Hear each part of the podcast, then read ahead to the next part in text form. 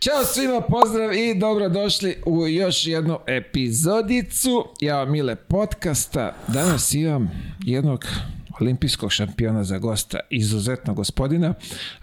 Pre, što njega, pre nego što njega upoznate, da se zahvalimo Admiral Betu Matijašević Vinogradima na, što bi se reklo, sponzorstvu, na pomoći da ovo sve ostvarimo i sprovedemo u delo.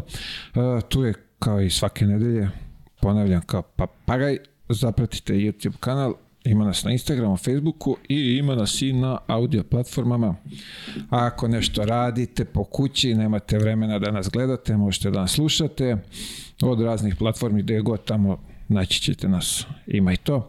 E, čast i zadovoljstvo danas ugostiti ovakvog izuzetnog gospodina, olimpijskog šampiona iz 2000. 2000. godine. Andrija Gerić, Dobrodošao u Košarkaški podcast. Dobar dan, bolje vas našao, meni je drago da si mi pozvao. Ovaj, ja ovo gledam kao neki omaž moje košarkaškoj karijeri ne uspela. Zato što ja kao klinac sam ovaj, trenirao košarku. Čak ovaj, tu posle mene bilo nekih poznatih igrača ovaj, iz, iz tih nekih ekipica kad smo bili deca ali košarka je moja neprežarna ljubav ja i dan danas ovaj, gledam ovu Ligu šampiona i Champions League. Liga šampiona je futbol. A znam, oni su to promenili ime, ali to je, ja to zovem Liga šampiona. Sve da su šampioni, to je Liga šampiona, ne može da bude drugačije. Naravno.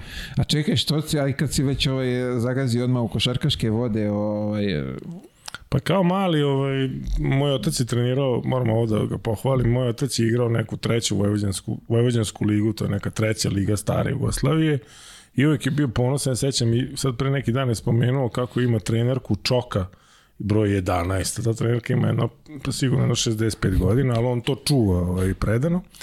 I onda je meni nekako ulio ljubav prema košarci, išao sam na, na teren tamo kod zgrade da, da ubacujemo loptu. I onda sam ja počeo da treniram ovaj, prvu odbojku, a posle košarku. Ali košarkaši nisu znali da ja treniram odbojku, oni odbojkaši da treniram košarku. Međutim, pošto sam brzo rastao, kao i većina tvojih gostiju, ovaj, dobio sam onog šlatera na kolenu i šest meseci ništa. Od što se tiče sportova i kad sam se vratio, rekli su mi doktori, vidi, ne možeš dva sporta, jer ja sam tada imao nekih jedno između 6 i 8 treninga nedeljno sa, sa nekih 11 godina, što je bilo puno. Međutim, ja mislim da je to meni pomoglo u karijeri ta velika količina rada, bez obzira što nije bilo odbojkaška, da ovaj, mi je pomogla da napredujem, da možda malo više skačem nego normalno, da imam bolje osjećaj za loptu i ko zna šta još. I odmah ste gurnuli na, na srednjih blokera. Onda sam ja odlučio ovaj, da, ja sam odlučio da napustim košarku i to je bio jedan trener, ovaj, tadašnji, jer tad smo tek počeli da treniramo nešto ozbiljno. Pre to, toga je bilo, evo vam lopta, pa ovaj, ubacujte u koš igrali smo neku novosadsku ligu, ta moja generacija, i taj trener mi je onako nepedagoški rekao, ako mi sad odeš, nema mi se vraćati, nećete primiti nazad sa nekih 13 godina. I ovo, ja sam to shvatio. baš bukvalno shvatio i rasplakao sam se kad sam došao kući i sve, ali sam onda odlučio da u inat njemu postanem dobar u odbojci, tako da je on meni u stvari pomogao na neki način da ovaj, budem dobar. Čekaj, on, on zaslužio sad ima spomeneš ime i prezime? Pa ja sam se njemu zahvalio preko Facebooka, sam ga našao, ali neću da mu spomenem ime i prezime. Đorđe se zvao, oni koji ovaj, su bili tad u košarci, no, znaju, znaju ko je, ali okej. Okay. Hvala, hvala Đorđe što si nam podario olimpijskog šampiona. Da. Tako najboljeg nekako. srednjeg blokera Evrope. Pa to je bio jedan, jedan period. Ovaj. To ko je najbolji, to je po meni dosta triki i svi te titule MVP-a to važi za jedno takmičenje. Ali mislim da čovjek ne treba da se uljuljka na tom MVP, MVP, nego svi ti MVP-ovi su jako puno radili, trenirali, jako puno radi i treniraju, zato su MVP ali to ovi vrhunski sportisti jako dobro razumeju, a ovi mladi sportisti mislim da još ne, ali razumeće. Pa dobro, ali to je MVP za i jednu sezonu, tako da ti sledeće već braniš to, da napadaju Jeste, te braniš, razni... ideš iz početka i sve, samo poenta u tome je da kako god ti priznanja dobijaš, ti mora da radiš i da treniraš i da se trudiš, što bi ovi popularni u psihologiji rekli da budiš bolja verzija sebe nego prošli put, ali to ovako prevedeno na srpski znači u stvari da se stalno trudiš da radiš i da, da napreduješ. Uh, Reci meni, kako se ti kao jedan lalas nalaziš u, Beogradu, u ovoj guži, u, u tenziji, u saobraćaju? Pa moram da priznam da ovaj Beograd nije bio moj prvi izbor, baš zbog toga što mi prevelika gužva. U jednom momentu u mom životu ovaj, smo čak i kupili neki stan ovde sa idejom možda da se preselimo, ali onda smo shvatili da ako ne živiš negde blizu gde radiš, da je Beograd problematičan. Sa druge strane, Beograd za bilo kakav posao je ovaj, osnovna stvar. Evo, ja sam kod tebe u podcastu u Beogradu, nisam u Novosadskom podcastu, tako da ovaj, raditi i sarađivati sa Beogradom je musi dolaziti zato što on je ono, ni najveći grad i tu se u stvari sve dešava. A mi, ja moram da kažem, ovaj, nije mi to baš prijatno, ali Novi Sad jeste mnogo manji i to je sve na, na drugačijem nivou, što meni za život potpuno odgovara. A, pazi, ali nije, sad je još i gužva tamo i nego pre tipa 2000, ono, pete, šeste, kad sam ja tamo boravio malo redovnije. Pa znaš kako, ovaj, meni to pojam gužve, ja sam imao priliku da igram u Istanbulu jedne godine i onda ova beogradska gužve oko arene kad se ono nakrkaju kola, ja sam mislio to je, kad to vidimo ću se upucam, ali onda posle tog Istanbula ove gužve uopšte nisu gužve, pošto tamo u Istanbulu vi put koji prelazite za pola sata desi da ga putite pet i po sati ovaj, kroz autoput, tako da je to sve, sve relativno, kaže Čikaništen, pa i gužve. Tako je, bio taj pametan čovjek, taj Einstein. Uh, reci ti meni ovako sad, uh, kako ti kao jedan olimpijski šampion provodiš ove penzionerske dane? Pa to biti olimpijski šampion, to te nekako beleži za čitav život, ali o, ja sam imao tu sreću ili nesreću da dosta rano ovaj, nosio imao tu medalju sa nekih 23 godine. I moram da priznam da, pogotovo ovako posle karijere, ono što je tu izazovno je kada uradiš nešto veliko dok si relativno mlad, onda posle u životu je vrlo teško popeti se na taj nivo i sad ne znam šta je bolje, da li raditi ranije ili kasnije, A ako pogledamo malo šire, imate sličan problem i kod mladih igrača, na primjer neko ko je u kadetima bio najbolji kadet na nekom takmičenju, najbolji kadet u Srbiji ili prvak Srbije za pionire, to ne mora ništa da znači. I onda oni često se dešava da imaju problema kasnije kada u seniorskoj konkurenciji nisu najbolji, ali s druge strane to je dobro za posao zato što kolege i ja onda imamo posla da dođu kod nas pa radimo pa onda napred i tako. A čekaj, jesi ti zamišljao sad ovaj penziju na ovaj način kako sad je živiš? Pa to, ja moram da kažem da je penzija, to se zove penzija, ali to je u stvari Dobro, neka vrsta tako nagrade. penziju, da, ali imam daleko kolege je to. koji, koji su ovaj, baš to bukvalno shvatili, oni ništa živo ne rade, što mislim da je pogrešno.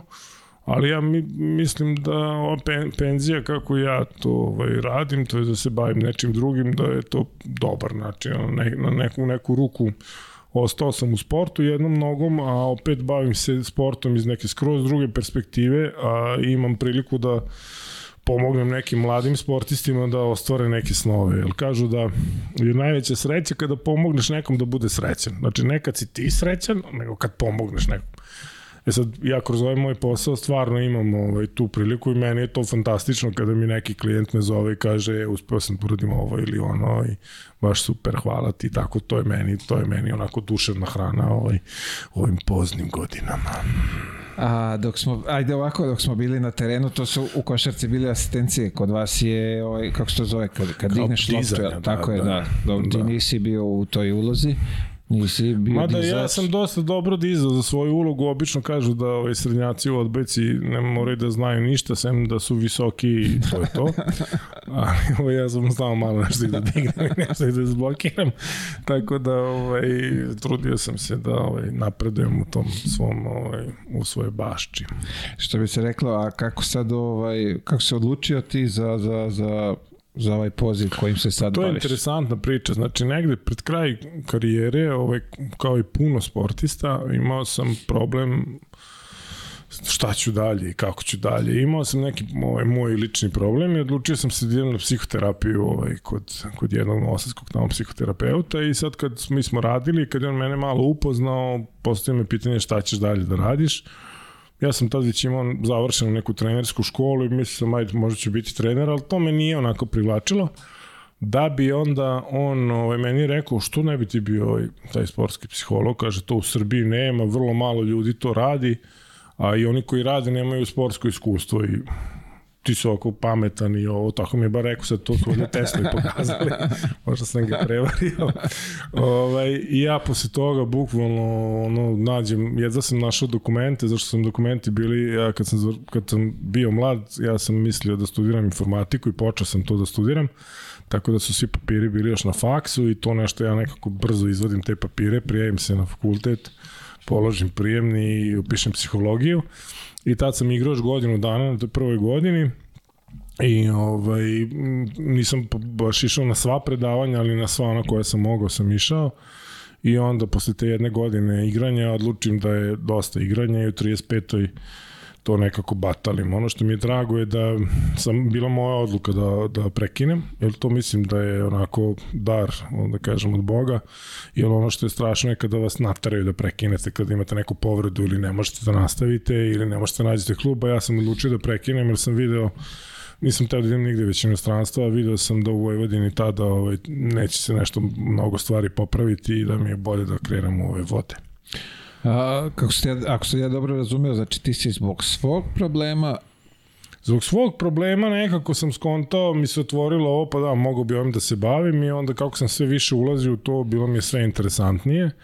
Činjenica jeste da je mene uvek interesovalo psihologija, jer psihologija je interesantna i ljudi misle kao možete da čitate misli, ali ne radi se o tome, nego ja jednostavno za vreme karijere nisam imao uslova da završim neko formalno obrazovanje, ali ti kada igraš u reprezentaciji igraš u klubu, ti imaš godišnje dve nedelje pauze, a za, za to vreme ne možeš ništa da uradiš. I onda mi se nekako potrafilo da se vratim u Vojvodinu ove te godine da igram tamo i da ovaj, krem na faks i tako da ispalo je dobro da kucnem drvo kako, kako je moglo biti. Ono što ja često vidim, a i radio sam sa nekim sportistima koji su pred kraj karijere, to je ogroman problem i to tim se i bavi olimpijski komitet na neki način. Uh, da, da daš priliku tim ljudima koji su u naponu snage između 35 godina, ali možda nemaju formalno obrazovanje, možda nisu ništa drugo radili, sem, na primjer, bacivali u koš ili šopali loptu u odbojci, i onda im daš priliku da, da radi, jer ti šta god da radiš, ti možeš to da naučiš ako želiš, I ja na svim svojim predavanjima, ovaj, kad radim za firme, ja podvučem to da angažuju sportiste, jer sportisti bi trebalo da imaju neke uh, osobine i ličnosti, a i neke načine ponašanja da su tačni, da se trude, da daju sve od sebe, što je što su osnovne stvari za, za, za biti dobar zaposlen. Pa pazi ovako, ovaj, rekao bi, naučio si na svoje grešci, jel? Pa svi najbolje nauče na svoje greš, grešci, Ali ovo nije bila greška, nego jednostavno usput se nekako to otvorilo. Ja taj problem što sam imao sam ovaj, uspeo da, da, da sredim, a ovo je bila jedna paralelna vrata koja sam mi se otvorila i onda sam u to zagrizao, evo sad ovo je već deseta godina kako, kako radim, kako se završio ovo, to je bilo skoro pre 15 godina. Tako da, ovaj, lepo, interesantno, dobar je posao i sve super. A, spomenuo si Olimpijski komitet se angažuje oko toga. Imaju oni neku svoju akademiju ili samo savetuju kroz lupno tvoja predavanja ili kako god da, da, da, da malo osveste ono što je, Ono što je da... interesantno i hvala ti na toj prilici ovaj, je da postoji jedan program na nivou Olimpijskog komiteta međunarodnog, jer ovo je problem koji je prepoznat uopšte u svetu da vrhunski sportisti kada završe karijeru u stvari gube deo svog, veliki deo svog identiteta i imaju s tim problema, imaju, da kažem, to spada u domen mentalnog zdravlja. I onda su oni pokrenuli jednu inicijativu gde sarađuju sa jednom ogromnom firmom za zapošljavanje na svetskom nivou, a to je spušteno isto na nacionalne komitete. Kod nas, ako, ako se nije ništa promenilo, o, mislim da taj program pokriva i sportiste koji su učestvovali u bilo kojim selekcijama i pionirskim, juniorskim, kadetskim, ne samo uh, olimpijice.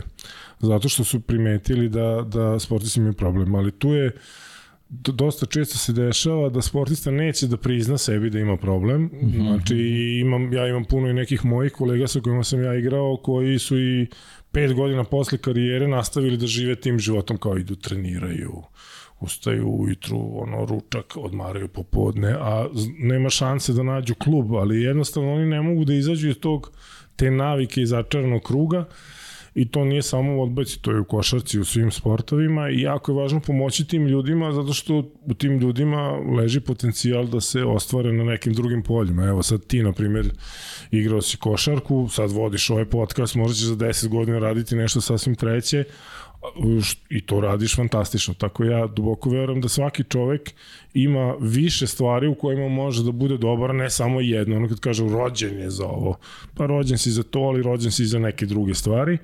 I u životu ti imaš dovoljno vremena, a ono što sport ti daje, i puno toga ti uzima, ali s jedne strane ono što po meni ti daje ta mogućnost da posle sportske karijere ti napraviš novu karijeru, jer to inače nemaš ovaj, u poslu da ti sad ne znam, studiraš jedno, radiš jedno, pa sad promeniš, radiš nešto potpuno peto.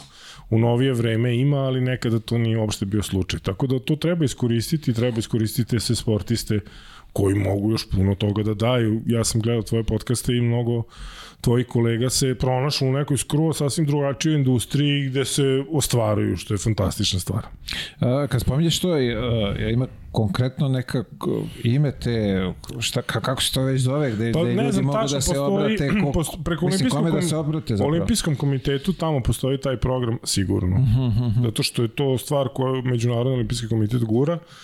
I evo, ja, ja, ja sam bio u stvari pred, pred predavanje e, nekom Amerikancu koji je išao po svetu i u okviru Međunarodnog olimpijskog komiteta držao predavanja kako sada da se ti jedan sportista ubaci na tržište rada, šta treba da uradi, kako da priča sa HR menadžerima, kako da... I onako stvarno je bilo interesantno i meni je bilo vrlo poučno, ali naći ljude, naći sportiste koji su teli tu da učestvuju je bilo vrlo teško, jer niko neće da kaže, e, ja imam problem, pogotovo ako tu se radi o nekom sportisti koji je bio jako uspešan. Da, da, da, si, da, da. Mislim, činjenica je da um, sport, u sportu postoji neki novac i neko zaradi neki novac, ali imaš sportova gde postoji velika količina slave, ali vrlo mala količina novca koja ti nije dovoljna da živiš još posle karijere još 60 godina, pošto ja ovaj planiram da živim bar još jedno 50, tako da... Ali postoji okvir olimpijskog komiteta, siguran sam da ako se obrate tamo da će im neko odgovoriti ovaj, na, na ovu temu. Pa, pazi da, dobra stvar ako zaista postoji, vidiš, evo ja koliko, što bi se reklo, mlatim ovde već meseci, prvi put čujem sa, za, za taj projekat, kako god se to zvalo, da. ovaj, ali znam je lično ljude koji su završili i koji imaju problem ali to je, ajde, opet, to je problem i jega, znaš, treba sad ti, yes. bio si na nekoj razini, što bi rekli komšije, ovaj, i sad, znaš, ne bi ispod da se ne uvrediš, pa nije da lako, ne Nije lako priznati, znam, sećam se, na primjer, ima bio jedan posao da budu, da budu komentatori u, za, vre, za, u Waterpolu za vreme nekih olimpijskih igara i zvali su jednog poznatog waterpolistu na razgovor. I sad on dolazi na razgovor i oni ga pitaju, pa dobro, jel ti znaš da pišeš? Kao, jel bi pisao? Pošto treba, zato je da napišeš kolumnu, u stvari, pa, sa, uh -huh. pa on kaže, pa, pa ne znam baš. E sad, ono što bi, nije bio obučen kako treba da vodi razgovor. Sad, ono HR menadžer, ono čupa kosu, otprilike, ono kao, mi hoćemo da mu posao, on kaže, pa ne znam baš. E sad upravo je to ta stvar da, da ovaj, postoji ta velika doza, da kažem, sujete, to sam imao ja, imao si ti, verovatno kad si igrao i taj ego i ta borba s egom je ovaj, dosta teška, pogotovo kada shvatiš da više nisi ti ono što si bio. Znaš, sad ti kad ne kažeš olimpijski šampion i sve, Uh, to je bilo tad i to nekako ostaje za uvek, ali ja sam drugačiji čovek ne, nego onda i nisam, nisam nekako više to i to nije lako, nije lako prihvatiti, aj tako da kažem. Kao kad je neko bio prvak, pa onda dođe za, za četiri godine, bude osmi, ali on onda živi u oblaku kao toj bitnosti. Ja sam te ja sam godine. te godine. Kako to vezi ima druže, šta kako sad igraš? Gde si sad, šta Gde si sad, šta radiš? I veliki problem kod sporta je u stvari prihvatiti sebe, jer mi u glavi postoji jedna, jedan, ovaj, da kažem, greška u razmišljanju, a to je da mi mislimo da će uvek biti ovako i donosimo odluke iz percepcije da će biti ovako, a stvari se menjaju, mi starimo, vreme prolazi i stvari su potpuno drugačije kad imaš 23 godine i kad imaš 30 godina, kad imaš 35 i kad imaš 40 ako se baviš sportom. Tako da ovaj, to je malo triki, ali zato smo moje kolege ja tu da pomognemo sportistima da to prevaziđu na neki lakši i brži način. A koliko ste sad zapravo ti i tvoji kolege za, ovaj, zastupljeni u ovom našem srpskom sportu? Pa ja Da moram da, spominjem evo, ja, region. ja moram da priznam da, da, da, da je, mislim da se desio jedan pomak. Mislim da sve više... Izvini, Po- samo ako pričamo i ovaj pomak za ovu gospođu iz Barcelone, je li to, je ti to isto kolega? To je interesantna priča, evo ja ću sve ispričati u tvom podcastu, ekskluzivno za tvoj podcast. Prvi put u istoriji. Prvi put u istoriji ekskluzivno. Igram slučaja sam tu bio, imam neke veze sa tim, ali objasnit ću ti kako. Ovaj, e, mislim da se stvari pomere od pre 10 godina. Moja ideja jeste bila da nekako ja kao sportista koji sam bio i sa ove strane i sad sa psihološke strane guram tu priču sportska psihologija koliko je to bitno. Ja stvarno verujem da je to bitno i da zajedno sa svim ljudima, da li sportskim psiholozima ili mentalnim trenerima, dignemo to na jedan nivo gde je potpuno normalno da neko ko se bavi ozbiljno sportom ima nekog svog čoveka za podršku kojom se obraća kada ima neki problem. Što su to i sportske psihologije je da, da ovaj, mi, mi možemo sa naukom i tehnikama i vežbama da pomognemo sportisti da on nekako ubrza neke stvari kod sebe, da brže prevaziđe prepreku, da pređe preko nekog problema, da se bolje osjeća, da zna kako sebe da uvede u neko stanje koje mu je dobro za, za igranje. To je u stvari uh, poenta. E sad, kod nas ljudi psihologiju gledaju kao na neku ono, vudu vrađbine malo i malo gledaju sa nipodaštavanjem. Moram da priznam da mislim da je isto problem da neki prošli ovaj, kolege psiholozi u prošlim vremenima nisu to dobro radili. Evo, na primjer, kada smo mi bili u reprezentaciji, mi smo radili sa sa jednim psihologom koji je važio ovde u Srbiji za naj, najbolji ovo ono gde ja sam x puta radio testove gde nikad nik, niko nije sa mnom pričao, nisam dobio moj rezultat, nego se samo šurovalo s trenerom. Bravo, bravo. I sad, I upravo sad si. neko ko je moja generacija ko je sad trener, on neće nikad uzeti psihologa zato što se i on tako osjećao. Znači, jako mora tu da se pazi da je klijent, ono ko ti je klijent, on je car i ti radiš za njega, a treneru pomažeš koliko god možeš, ali to je tad bilo na, navrat nanos i mislim da je ta odbojnost prema psiholozima baš dolazi iz, iz tih nekih loših iskustava koje su imali treneri dok su bili igrači. To je jedan deo priče, a drugi deo priče je što mi kao ponosan narod mislimo da znamo sve najbolje i trener neće da dozvoli neko da mu se petlja. Uh, mislim da je, na primjer, dobar primjer za to je kako je za, za kondicioni treneri, kako su ušli u košarku, na primjer, ili u bilo koji sport, odjednom su počeli treneri da uzimaju kondicione trenere jer su shvatili da ne znaju tako dobro fizičku pripremu. Kada sam ja bio klinac, taj moj neki trener je rekao, eh, šta će od mene da nauči, znam ja kako treba, imam onu rusku knjigu, pa ćemo po tome. A tri igrača, ono, diskus hernija, čao zbog ruske knjige, na primjer. Tako da ovaj, ja se borim za to da, da, da treneri i sportisti shvate da mi smo neko ko je tu da pomogne, mi nismo neko ko je samo radimo kad, kada postoje neki ozbiljni psihološki problemi, bolesti i to, nego smo mi neko ko može kad je već dobro još da unapredi stvari.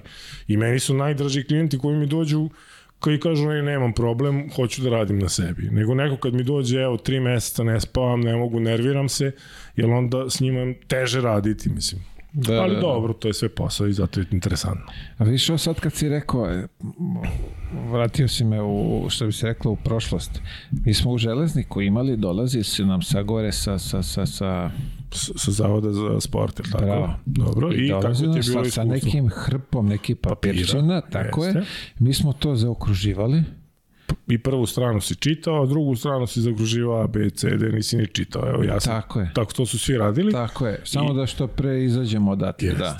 jeste. I, ali pazio, uh, ajde to što smo mi tako, bar ja sam tako radio, ovaj, što niko nam nikad nije rekao rezultate toga i ako se ti trudio nešto da ti uradiš to kako treba, niko nam nije rekao rezultate toga i niko posle, što ti kažeš, nije došao da priča s nama Da kaže, evo vidi, našli smo, vidi ovde možda imaš malo neki problem, ćeš da radimo na tome. Tako, Nego oni su bilo... ja mislim, ne znam ni kome su dostavljali to, verovatno pa samo treneru. treneru samo treneru koji je to, koji je to da. koristio da. na najbolji način. Mislim, ne mislim ja da trener, trener treba da ima uvid u, da, u ekipu, ali ti kao onaj ko je radio test, pa valjda si ti moraš biti u fokusu. A čekaj sad ovako da te pitam, evo sad kao ja što sam to, ako sam zaokrižio ABC, yes. i ti dobiješ rezultate kao trener. Šta ti imaš na osnovu toga da vidiš? Ne, ne, ne, ti kao psiholog dobiješ rezultate, pa ti sad to tumačiš. Pa to baš nije tako jednostavno, sad tamo ti piše 73, a sad ti znaš da je ne znam ja šta neko. Sad ti gledaš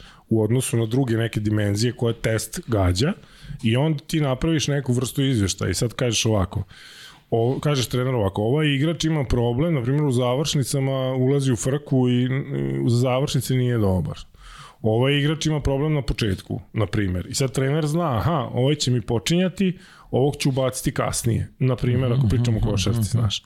Tako može, ili ovaj igrač voli da, da, ga, da ga hvališ, ovaj igrač voli da ga napušavaš i da ga ono oreš, zato što onda izvediš najbolje njega. To su neke stvari koje su informacije bitne treneru. Ali isto tako mislim da psiholog treba da radi pojedinačno sa svakim igračima, da kaže vidi imaš problem ovde, hoćeš da radimo ja pokazuje testo i to. Ja sam imao priliku da, da pošto sam četiri puta bio na olimpijadi, svi olimpijci se testiraju tamo u, u zavodu i svi rade psihološki test. Znači četiri puta sam radio psihološki test, taj. Ja sam posle čuo priču da su oni tek posle 20 godina to sređivali, da je tu bilo masa nekih papira, to niko nije ni pipao, ni da. gledao, ni sve. Ali ja nikad nisam dobio rezultate toga da mi neko rekao, e, vidi ovo, vidi ono. I naravno da treći, četvrti put nisam ni čitao te, samo sam BC, BC, samo što pre da se završi. Ali to nije poenta. Ono što je činjenica da u drugim nekim zemljama ovaj psiholozi imaju deo, oni su deo svakog ozbiljnog stručnog štaba I zašto? Da bi pomogli ekipi, ne sad oni da bi tu nešto bili bitni, nego da bi pomogli igračima i pomogli treneru da napravi prave odabir. Jer trener je tu u stvari glavni šef, a ti si neko kao, kao i kondicioni trener što kažeš, e, ovaj mi je malo umora, nemoj poštedi ga u utakmicu, tako isto iz, iz psihologija to bar tako gleda. Mi smo to gledali kao ovaj nas druga treneru. pa da, pa da, to druga treneru. Mislim, to je potpuno bez veze, ali nadam se da će se to namestiti i da će ljudi shvatiti da mi smo tu da pomognemo da bude bolja, ne da bi drukali insider, ono kao drugi, tre, uvek je pomoćni trener neko ko je kao deo ekipe pa čuje sad ono Vox Populi pa prenosi. Čekaj, sad kad smo petnuli zavod, ovaj, mo, možda se osete uvređeni. Ne, ne, ne, moram reći da, da, ovako moram reći da sad u zavodu rade, ja koliko znam, rade njih dvoje i da se stvari promenile u odnosu na tad, ovaj, kad je, kad je bila ta... Čekaj, možda nam završiš te rezultate da dobijemo da vidimo. Pa možda nemam pojma, ne Mislim, ako je ona ispod, ona je IQ ispod 80, ne mora i da šalju ništa. ne znam, ne znam, ja ne, ne sjećam šta su nam tačno merili tada, ali nikakav rezultat nisam dobio, ali možda ću dobiti jednom u budućnosti posle ako budu gledali ovaj tvoj podcast, onda će reći, evo, evo ti tvoj rezultat. Poslaću im, poslaću da, im da, ovaj na, na, na mail.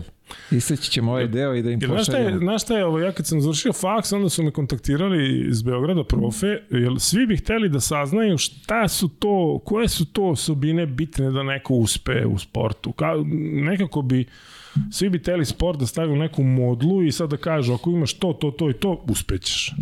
Međutim, mislim da je kod sporta malo to pipavo i mi smo radili neko istraživanje i nismo dobili mm, rezultat, dobili smo da je ta ima neka dimenzija kao neuroticizam, to koliko je neko nervozan, da je to malo niže u odnosu na normalnu populaciju i da je ta neka otvorenost ka novom iskustvu malo više. To je jedino što su bili zaključci, ali svi bi da nađe neku magičnu formu. A u sportu, kao što i ti znaš, ovaj, magičnih formula nema, nego znoj, radi, radi šta treba, greši, uči, napredu i malo sreće i možda nešto bude. Možda nešto bude, lepo da. što rekao. Ovaj, je li ima sad, ovo, pošto je ajde zavod je taj kao neki zvanični što bi se reklo koji bi trebao tim da se bavi.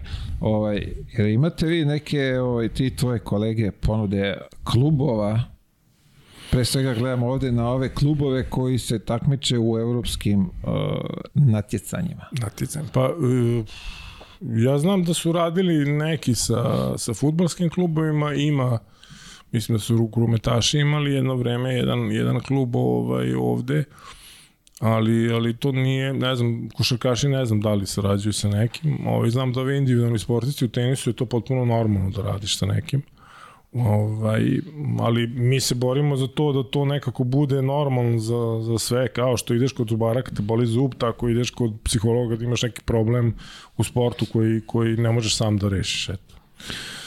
Pa vidi, malo je to onako rizično ako nekom kažeš e, išao kod psihologa. Pa to jeste, to upravo što kažeš. Ja sam mislio da, da ono... Još smo mi... Preporuka ovaj... da postoji, ali preporuka u ovom poslu postoji vezano za druge sportove, ali niko iz ekipe neće preporučiti nekom drugom, jer ga je sramota da kaže idem kod nekog. Čak sam jednog klijenta koji je rekao ovaj, nemoj samo nekog da sretnem kad dođem kod tebe, kao neću niko da zna da sam bio kod tebe i ne. nemoj neki drugi sportista slučajno da, da ovaj, uđe, pa kao ostaje mi više vremena pre i posle.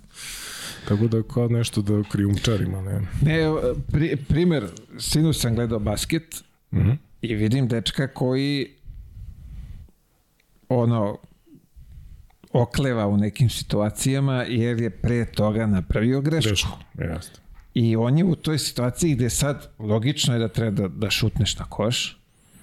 Znači nema tu mnogo Imaš otvorenu poziciju, sam Tako si je, sad je moment. Ali prethodnu je promašio, Jeste. što što bi se reklo, što ne sme da se promaši i onda, o, znaš, na ovoj vamo je već zakočio, uf, E pa sad, šta ćemo sad? ostalo na tome isto može da se radi, naravno nije ovo magija da to bude otklonjeno dok si rekao keks, ali ako radiš na tome, mi se u stvari igramo sa pažnjom, na šta ti usmeravaš pažnju i kako, ako ti stalno razmišljaš o grešci, onda to je onda ovaj, problematično i to nije dobro za, za tvoj dalje. Kako se to ostaviti za sebe i ući u sledeću akciju u košarci. Ja baš juče sam radio sa jednim ovaj, mladim košarkašem i koji ima sličnu takvu neku priču, reakcije na grešku, jer te priče su u principu slične, znači to donošenje odluka, jer ti sad u košarci imaš moment kad si sam, i kad je moment da šutneš. Već posle sekunde nisi više sam, jer ti neko dolazi. Tako je, tako je. I sad, ako to ne iskoristiš, onda ako se posle pitaš i ja što nisam tad šutno, i to je isto pogrešno, nego ti treba da loviš te momente i da donosiš odluke. Jednom kad odlučiš da budeš fokusiran kako to radiš, a ne jesam donao dobru odluku, jesam treba sad ili nisam, jer onda u tom, u tom razmišljanju tvoja pažnja je usmerena na neke unutrašnje procese što je pogrešno, jer ti u tom momentu treba da gledaš gde je koš, gde je protivnik, gde je lopta, šta radim i da budeš u stvari fokusiran na to šta radim. E sad to se sve uči i radi tako. Ono što je interesantno, na primjer, da puno nekih vrhunskih košarkaša oni ni ne znaju kako nešto rade. Kako sad on da koš, kako sad onaj er onaj uradi, kako, kako oseti kad treba. E sad tu je interesantno njih modelovati i naći št, kako im ide tok razmišljanja, pa onda naučiti nekog mlađeg isto, isto tim. A, jesi imao prilike da radiš, ajde kažem, s nekim uspešnim košarkašem koji da se zaključio da on nema ovaj, razmišljanje kako nešto radi, nego automatski ga radi. Pa i nosam, da. Ali onda kroz pitanja, onda on to osvesti, postane svestan. Ili u stvari, uh, mi kažemo da, da ovaj, je jako interesantno skinuti neku strukturu kako sad ti nešto radiš, kako ti sad odlučuješ ovaj, da li ćeš da radiš, otko znam, leđnu tehniku ili ćeš da ideš na koš. I sad, kada o tome dubinski razmisliš, onda skontaš, aha, ti verovatno gledaš koliko si udaljen od koša i kako ti stoji, kako ti stoji igrač, kako je namešten, da li je okrenut ovako ili ovako. Ali ti to radiš automatski ili ne razmišljaš o tome, ali kad, se, kad malo se udubiš, skontaš, aha, o, to je zbog toga, toga i toga. I onda bukvalno možeš da napraviš scenariju i da nekog klinca naučiš. Kada ovaj ti stoji ovako, ti kreni na ovu stranu desnom nogom i tako. I ovo, to je vrlo interesantno, mislim, i to može biti jako korisno za, za, za obuku. Samo sad ovde ja sad pričam o nekom psihologija 2.0, mi sad smo kod 1.0, bušimo. A ne, vidi, meni je zanimljivo, e, susretom se s ljudima koji su ovako završili nešto slično kao ti možda i, Dobro. i sad kako je to što bi se reklo na kom je to nivou nisam baš najbolje ovaj upućen ali uh, su oni otišli u neke druge ovaj biznise da rade jer to je ovde i dalje bau kao će ide kod ovo kao smatraju me ludakom znaš, ali da. to je u stvari normalna stvar mislim da to uh, možda i grešim ali uh, bilo koga da nađeš s nekim da popričaš o tome, da, da koliko toliko može da ti pomo Pa jeste. pomogne, nego da držiš to zatvoreno Ima u sebi. jedan moment i kad izbaciš to iz sebe upravo kad kažeš, onda, onda je, imao sam jednog klijenta tako, on dođe i priča, priča, priča, priča, ja, ni ne, ja mu postavim jedno pitanje, on samo sipa. Ja vidim, on ima potrebu da izbaci sve. I završi, završimo mi i on kaže, jako mi je ovo prijalo, jako, baš jako dobro raditi sve. Ja sad razmišljam, ja ga pitao jedno pitanje za sat vremena. Onda dođe drugi put i tu sam uspod tri pitanja da ga pitam. Ali jednostavno ljudi imaju potrebu da se otvore i sad to kod nas se rešava tako ideš u kafić ili u kafanu pa sad pričaš s nekim, ali taj neko možda koliko god bio empatičan, on nije obučen da ti pomogne, on možda te sasluša i to je isto možda bude lekovito, ali mnogo je bolje kad je neko obučen i kako da ti pomogne u tom pro problemu, jer mi u stvari skraćujemo vreme rešavanja problema. Možda ćeš ti rešiti sam taj problem, ali za dve godine, Da, da. a mogu si ga rešiti za dva meseca ili za mesec dana.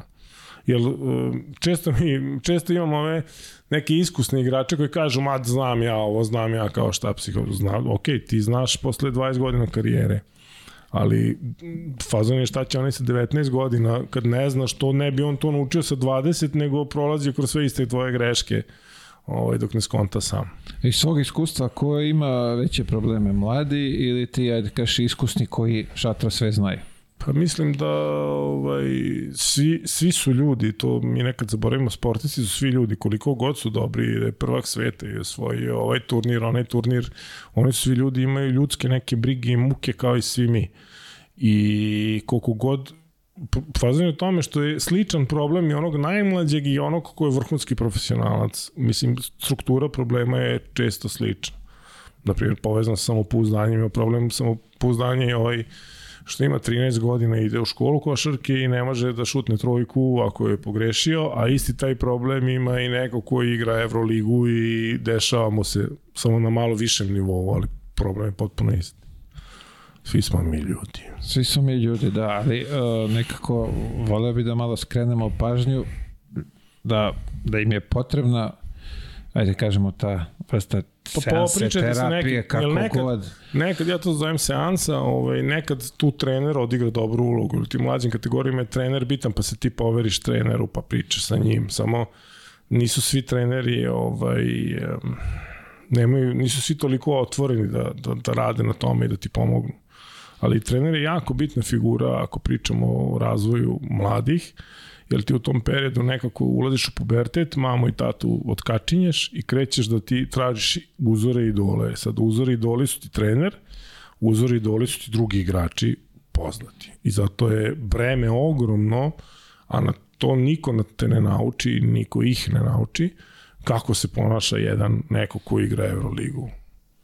Šta on sve radi, šta može da radi, a šta baš ne bi bilo dobro, jer, jer njega gleda hiljada nekih klinaca koji ga kuju zvezde i, i jednostavno to je neko, to je neko, da kažem, breme koje nosiš, na koje ti niko ne, ne spremi i moraš da vodiš računa o tome, jer ti predstavljaš čitavu košarku, kako se ti ponašaš, on gleda, ti si njemu idol. Da, ti da. možeš da pokvariš 30 ljudi zato što si ti napravio nešto, nešto neku glupost. Tako da ovaj, to biti sportista i biti vrhunski sportista i biti popularan vrhunski sportista, to nosi jedno ogromno breme odgovornosti koje treba znati nositi. Bili smo baš pre, pre ove korone, ovaj, smo bili na nekom savjetovanju i tamo je došla jedna Slovenka koja radi sa svojim, to je jedan poznat, to je sportiskinja, njihova ovaj, na tom odnosima s javnošću i šta objavljuje na, mobi, na mobilnim mrežama, na društvenim mrežama, jer to je isto jako bitno, kako ti, ti utičeš na, na, na mase, ti imaš moć, kao i ovaj podcast, on ima moć da penetrira u razne ovaj, slojeve i mnogo ljudi ga sluša. Sad, koju ti poruku šalješ? I to, moraš, to mora jako da se pazi. Čak neki sportisti imaju ove, agencije koje vode računa o njihovim nalazima, a ne, a ne kao mi sami tamo što objavljujemo. Sami, sami što čukamo. sami što čukamo. E, sad mi je ovo zanimljivo, sinulo me u glavu. E, kad pričaš o trenerima, da su treneri jako bitni. E, Jel imaju treneri, jel se javljaju oni? Ovaj... Pa radio sam i sa trenerima, ima, tu ima deo da se radi sa komunikacijom. Mislim, i oni su mnogo bitni Jesu. da su svesni toga šta pričaju tim momcima, kako se obhode prema njima, da Ono što je, mislim, ono što je interesantno, na primjer, kod trenera, šta je interesantno, ta komunikacija, to je sigurno jedna tema, onda način kako motivišeš sportistu, jer gde obično treneri greše. Uh, oni imaju neko svoje iskustvo i kako su se oni motivisali kako je njihov trener pri šta je pričao onaj, onaj govor pred utakmicu. Ali to ne znači da će on da, taj govor da radi na sve. I sad trener treba da nauči da razlikuje neke određene tipove ljudi, da skonta koje su vrednosti u njegovoj ekipi i onda da tuče te vrednosti dok priča. Evo, mogu da podelim, na primjer, ovaj naš, naš trener, on je sad ovaj ministar, on je imao foru na, na, na to, na, na osnovu... Pričaš o, o Gajiću, Gajiću da. da.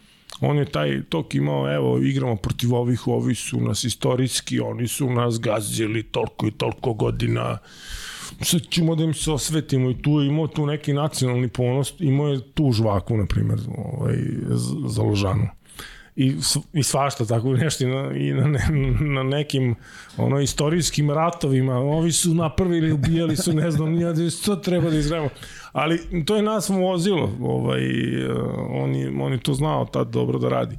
Ali jako je bitno da, pogotovo kod mladih, aj kad si ti formiran igrač, onda sad trener ti nešto priča, ti uzmeš ovaj, šta ti je rekao, ono taktički, a ostalo ti već sam radiš, ali kod mladih, Mislim, svi se, evo i ti, se, svi se sećate nekog trenera kad si bio to nešto kadet, pionir koji je na tebe onako ostavio traga. I možda kad si sazreo, ti si shvatio da to što je on pričao, to je bilo budalaština iz pozicije košarke, ali tad je to tebi bilo ono, wow. Ja sam imao jednog ovaj, trenera, taj, kod njega sam počeo treniram, zove se Mocko Steva, i on je onako jedan drag lik on je na mene napravio ogroman uticaj koliko on bio stručan, gledan od bojkaški, možemo da diskutujemo. Ove, mi smo, na primjer, primali servis, ako smo svi držali ruke, ovako smo primali servis, ono, predajem se.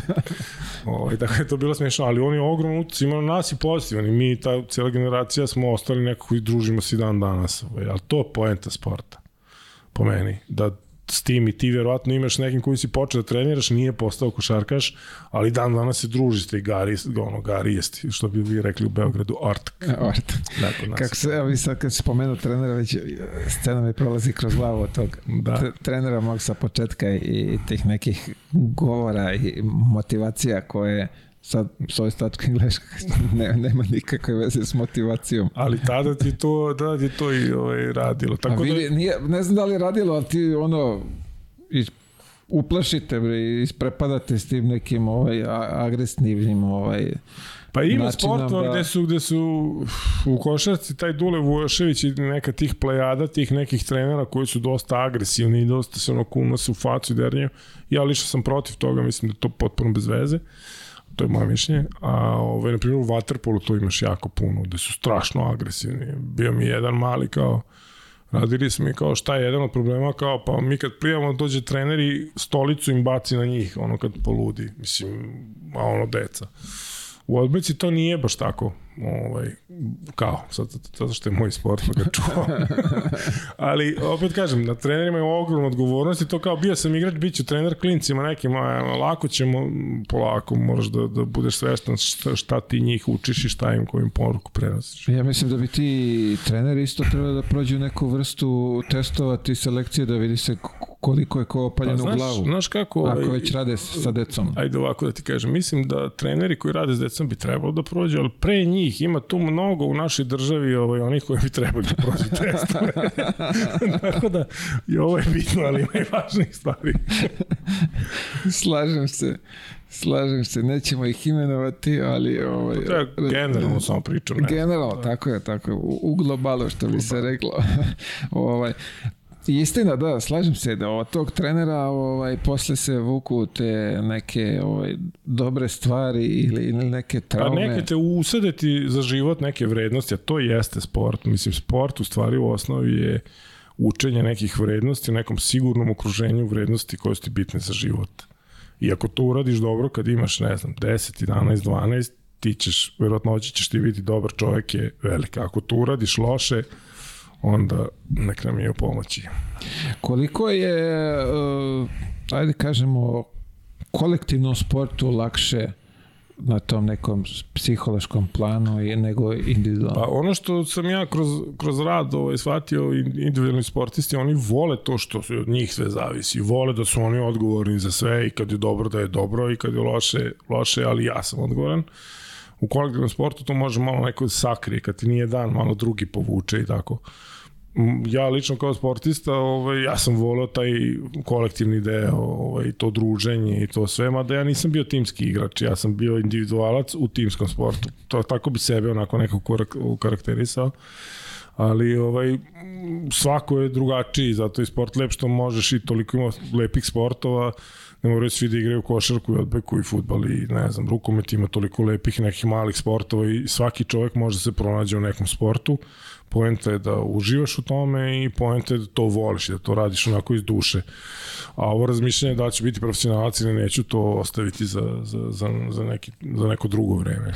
Pazi, ali sad uh, sve to lepo kako ti kažeš, ali sad živimo u vremenu gde ovaj, roditelji forsiraju decu da bi postali kao neki uspešni, popularni, da bi Ima. se naplatili, obezbedili kako god. Ali ta deca kad tako kreneš u priču, od te dece nema ništa.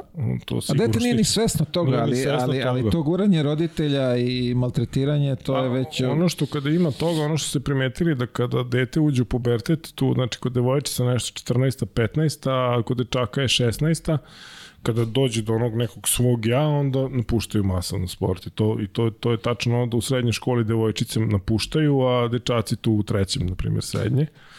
Ovaj, baš zbog toga što to nije bio njihov odabir. Ono što rade neke zemlje je da uopšte nema takmičenja, nema rezultata, nego se ocenjuju lep potez, da se uživa u igri to pogotovo nordijski zemlje sad razvijaju, imaju jako dobre rezultate u smislu da deca dugo ostaju u sportu i poenta sporta je da se baviš sportom da bi bio zdrav, to je prva poenta, drugo je da dobiješ neke vrednosti i da postaneš uh, dobar i uspešan član nekog društva. A sad ko iz toga, iz te mase izađe profesionalno, svaka mu čast, ali to je, kao što znaš, jedan promilčić. Jedan od hiljadu, što je Jedan od hiljadu, da. A, po, pošto, kaš i javljaju se i dosta tih mladih, imaš s kim sarađuješ, koji su najčešće to problemi sa, sa tom mladom? Šta je to? Strah? Pa uglavnom je vezano to za strah od greške, strah od trenera, samopouzdanje, neki odnosi, odnosi u timu, neka očekivanja, tuđa očekivanja, poređenja često, što zavisi od sporta do sporta, ovaj, kao što sam rekao, ono, puno mi se javlja tenisera, ove godine sam baš imao priliku da radim sa igračima bilijara, tako mi se neka igrom slučaja, ovaj, I zato je ovaj posao interesantan što ja u bilijaru nemam pojma, ali sad kroz njih sam naučio, naučio šta to znači, šta je devetka, šta je desetka, šta je osmica, šta je, u čemu je fazon, kako, kako treba i to meni onako interesantno, ali tako to ide u, na, u naletima nekako. A čekaj, šta je sada, ajde, poduči mene što bi se rekao, šta je u bilijaru problem? Pa u bilijaru je problem. Koncentracija, verovatno. Koncentracija i oni, na primjer, kada igraju, oni gledaju, mi kad igramo bilijar, ti gledaš gde mogu da tutnemo ovu kuglu i to bi bilo to.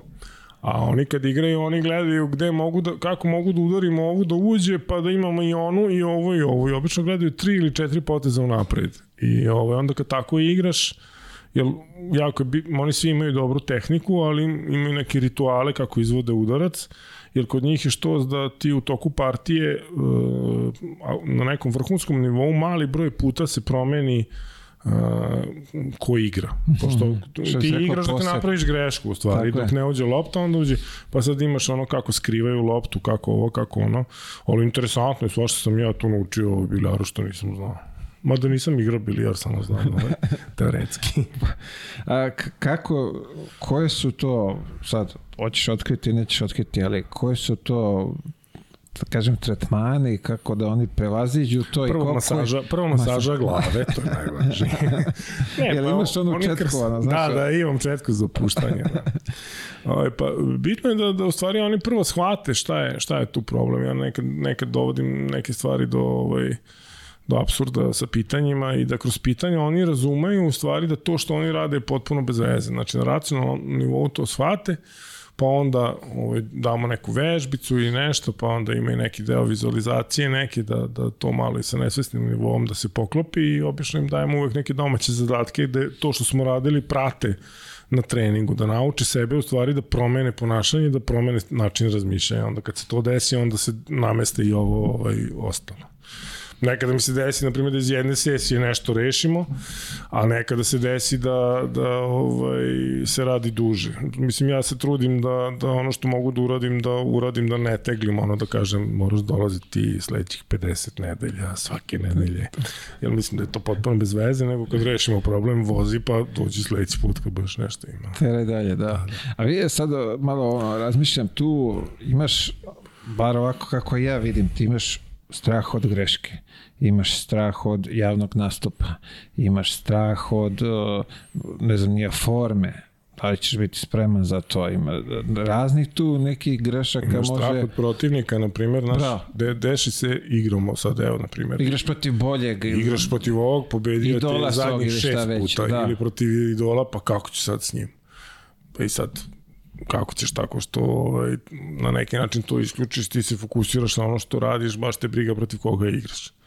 Jel, ja tu kažem kakve, ve, na primjer, ako bi, evo, uzmemo tenis i dvojice igraju tenis. Ja da kažem njima, aj sad odmori, da ovaj drugi odmorite Đoković. pet minuta i igramo, igrajte ponovo. Da li će biti isti rezultat potpuno?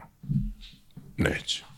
Pa onda kakve veze ima što si pre godinu dana on te je dobio. Od tad si ti trenirao još 1200 sati i on je nešto radio, ti ne znaš kakav je on. E sad, u zavisnosti od sporta, ovaj, ti se baviš sobom u tim, ili, na primjer, imaš sportove tipa, ne znam, veslanje, plivanje, ovi sportovi što su na vreme. Ja tu uvek njima kažem, vidite, vaša federacija nema para, vi u stvari, oni vama mere vreme svima, ali ne mogu pojedinačno, nego su vas nabili u grupu po osam, pa vas onda mere. Zašto? Da bi oni počeli da razmišljaju o sebi, jer bitno je šta ti radiš, tako šta te briga šta ovaj drugi radi, ostalo, ti se boriš protiv vremena, u stvari, boriš se protiv samog sebe, tako da kažem. A ovi su tu samo kao neke kulise, ali ako sad ti počne da vodiš računa o njima i da gledaš šta oni rade, onda si u problemu, jer ne vodiš računa o onome šta ti radiš. Skrećeš pažnju u E sad ovaj svaki neki- sport je drugačiji zato što je, znaš, u košarci isto imaš sad protivnika, gledaš šta on radi, taktika ko te čuva, ovo ono, kako ovaj, imaš to napad, odbrana, potpuno je drugačije za napad, potpuno je drugačije za odbranu, kako prelaziš to što bi rekli treneri, tranzicija. To je Tranzicija. u odbojci, to tranzicija. Imate vi tranziciju. imamo iz zone, iz faze napada u fazu odbrane, samo kod nas to ide brzo, ono u par sekundi, kod vas sad tu se oni vraćaju pa malo duže traje. Ja, znaš da sam ja ovaj, u osnovnoj školi da su me gurali na srednjeg blokera. Pa ti si dobar, zato što kažu da srednjake treba da bude visok samo, Ništa više, ne treba budeš mnogo pametan. Ne, to nije uslov. Evo vidiš. Ovaj, Samo treba da si visok, ali ovaj, nije... Budi nije tu i digni ruke. Bude, da, digne ruke. Dobro, Leelbek je lep sport i, i ovaj, puno, kod nas puno devojaka, to je igra kod tečaka je to mnogo više zastupljenije košarka. Ja sam rekao da kad budem bio predsjednik Saveza odbojkaškog jednog dana. Opa, Ja da idemo angažujem. kandidatura za, kako idu, po, po koliko godina, po četiri? Pa sad, sad Olimpijski su odabrali na pet, mislim sad do pet ne, ne mogu, ali posle.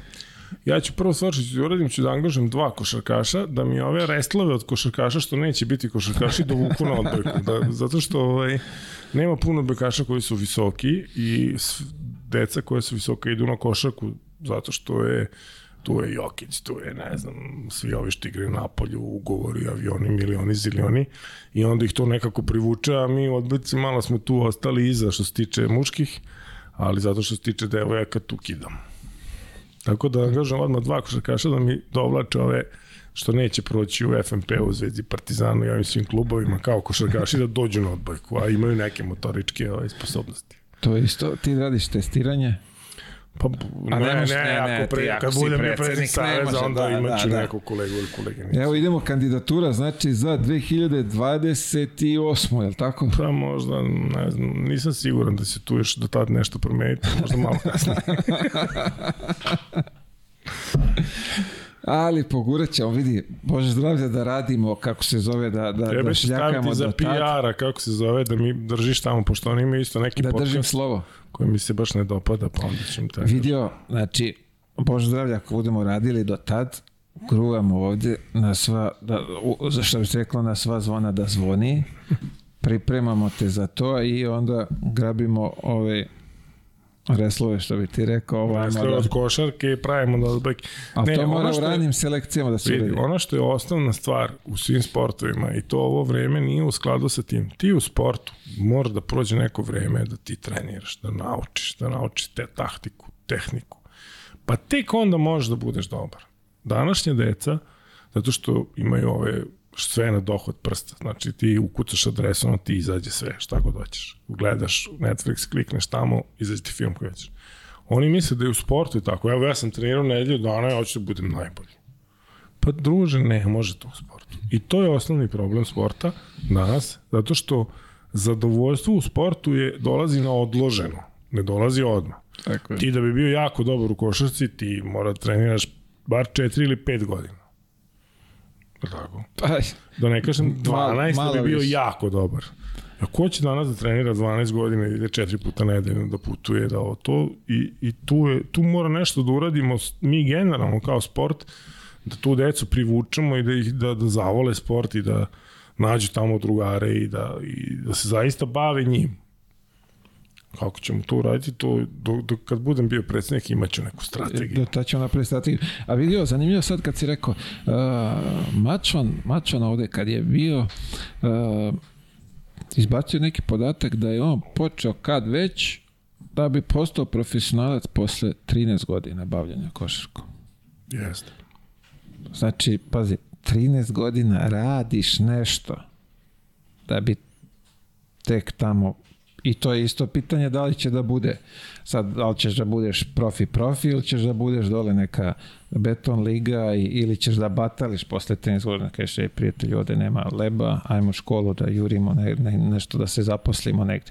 Jeste. Znači, to je dug proces, ti u tom momentu toga nisi svestan, ti ideš zato što voliš to, jer verovatno da razmišljaš samo o, o kinti i uspehu, Nema završio bi posle pa prve je- godine. Da, da, zato što imaš druge načine da dođeš do kinti do uspeha, ovaj, ali Ima i ovi brzi. brzi, da, brz. Ovaj, ali šta je poenta? Poenta je da taj put bude lep, da ti igraš takmičenja ova, takmičenja ona, pa da ti, ti se polako otvara. Jer da bi ti bio zadovoljan, uh, ima tri stvari koje su važne za motivaciju. Ima neka teorija, ovaj, ta se meni jako sviđa, zove se teorija samodeterminacije, pa ovi koji gledaju neko ukucaju sad to pa nek nađu. I oni kažu da ima tri stvari da bi ti bio zadovoljan, da bi ti bio motivisan nešto radiš zaista onako iznutra. Ja držim, kad držim ta predavanja, onda često ovo spominjem. Jedna stvar je da imaš osjećaj da napreduješ. Zato što stalno si bolji i bolji. Jedna stvar je da imaš osjećaj povezanosti, da neko brine o tebi i da ti možeš o nekom da, brinuš, da brineš. I, I treća stvar je da imaš osjećaj da ti imaš neku vrstu izbora. Da ti možeš da biraš šta ćeš da radiš. Mm -hmm. Sad kad ima te tri komponente, onda je čovjek motivisan. Sad kad malo to, na primjer, kad hoćeš da to ubaciš u trening, onda ti kao trener kažeš, ok, daj, daš im izbor, kad će, kojim danom će šta da rade, na primjer. Ti znaš da ovo mora da se uradi, ali šta će koji dan da rade, daš to igračima. Jer kad igrač kaže, e, ja ću danas, ne znam, hoću da vežbam pucanje trojki na kraju treninga. Pucanje je malo onako zvuči Šuterski bez- trener, šut- da, izvinimo. šutiranje, nemoj da Ne, ne, ne, zameri, ali baš pucanje, Okej. to mi je Ne, bio je jedan ovaj stari trener kod nas što je umesto pucanja, se kaže odbeci, on je koristio šu, šutiraj. Ja ne to nije bilo smešno, ali u kožaci je obrnuto. Znači, ti daš, ti daš svom ovaj, igraču da on odabire kad će da, i kad on odabere na kraju ću, onda se on više trudi nego da si mu ti rekao, e, pucaj, na, šutiraj na početku i šutiraj na sredini, na primjer. I sve što radiš, gledaš da te tri komponente ovaj, ubaciš. Ovo ne važi samo za sport, ovo važi generalno u životu. Evo sad ti vodiš podcast, sve si bolji i bolji, imaš tu ekipu koja to radi, osjećaš se njima, pomažeš oni tebi, ti biraš kad ćeš. Kad bi ti ja rekao, je mora sredom svaki put u, u pola 12, ti bi rekao, je baš neću.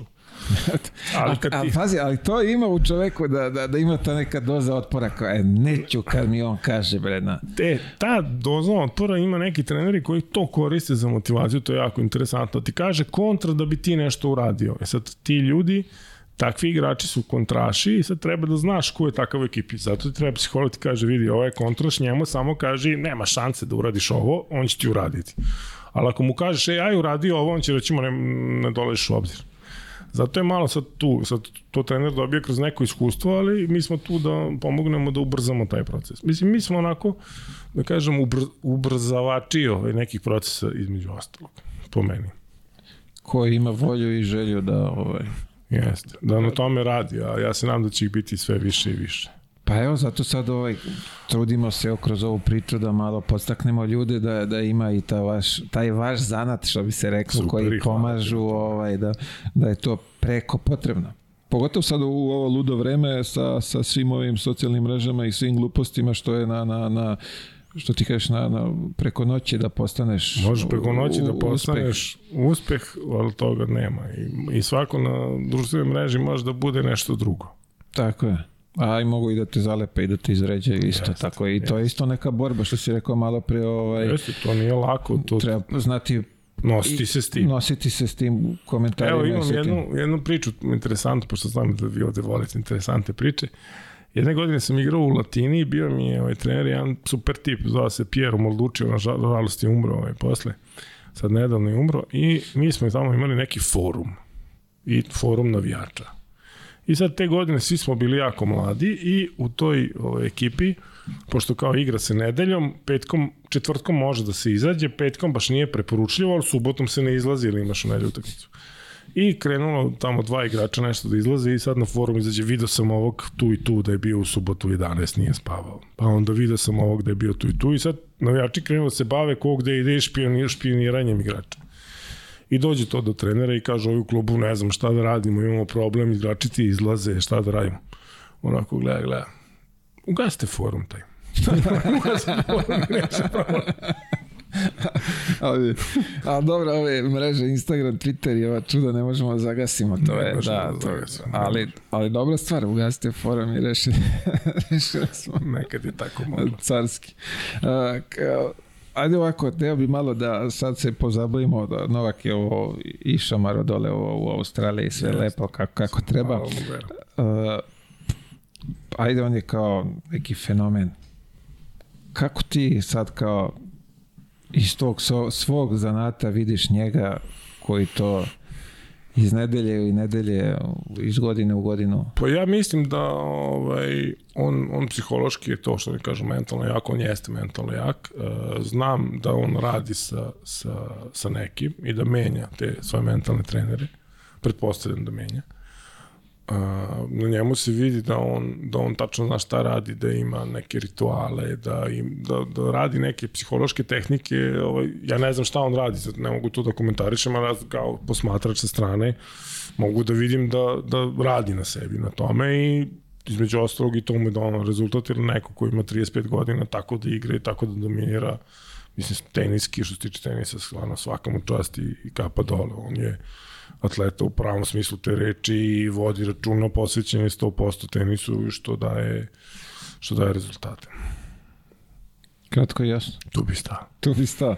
O, e, a vidiš ovo malo pre, lepo si rekao, sad ću ti ovaj, istorijski to da ovaj, kažem i ovo kulturno si politički, što bi se rekao, šmugdo si mi sa strane. Ovaj, gospođa, tvoja koleginica, što je Aha. kako se to zove ovaj Sredanović u, u, u Barsi što da je već radila ne pa mogu da povatam primer, više ovaj... evo ako ja jednom slučaju sam ušao s njom komunikaciju zato što je ona stavila kad je stavila taj tekst kako nije ovaj nije radila sa reprezentacijom ponudila se i tako odbili su je sad kad je ona to, posle kad je izašao tekst o njoj, me je tu malo bilo nešto sumnjivo, to neka priča da je prešla ovaj, iz drugi klub uz obeštećenje, psiholozi uz obeštećenje, to mi je bilo onako... I još tako neke pojedinosti su mi malo zaparali uši, mislim, nema veze. I ona mene kontaktira se tu na nekoj televiziji, pošto odmah su televizije su su krenule, danas na televiziji može da gostuje kogod lupiš neku glupost i svi te odmah zovu i ona je gostovala onda je krenula tu nešto me hvali na nekoj televiziji, ali rekla nema, on nije on psiholog i ovo i ono, ali kao radi jako je dobar. Ja pošlijem poruku, rekao vidi, ja za tvoju informaciju psiholog, misli u sebi, nema me samo hvaliti.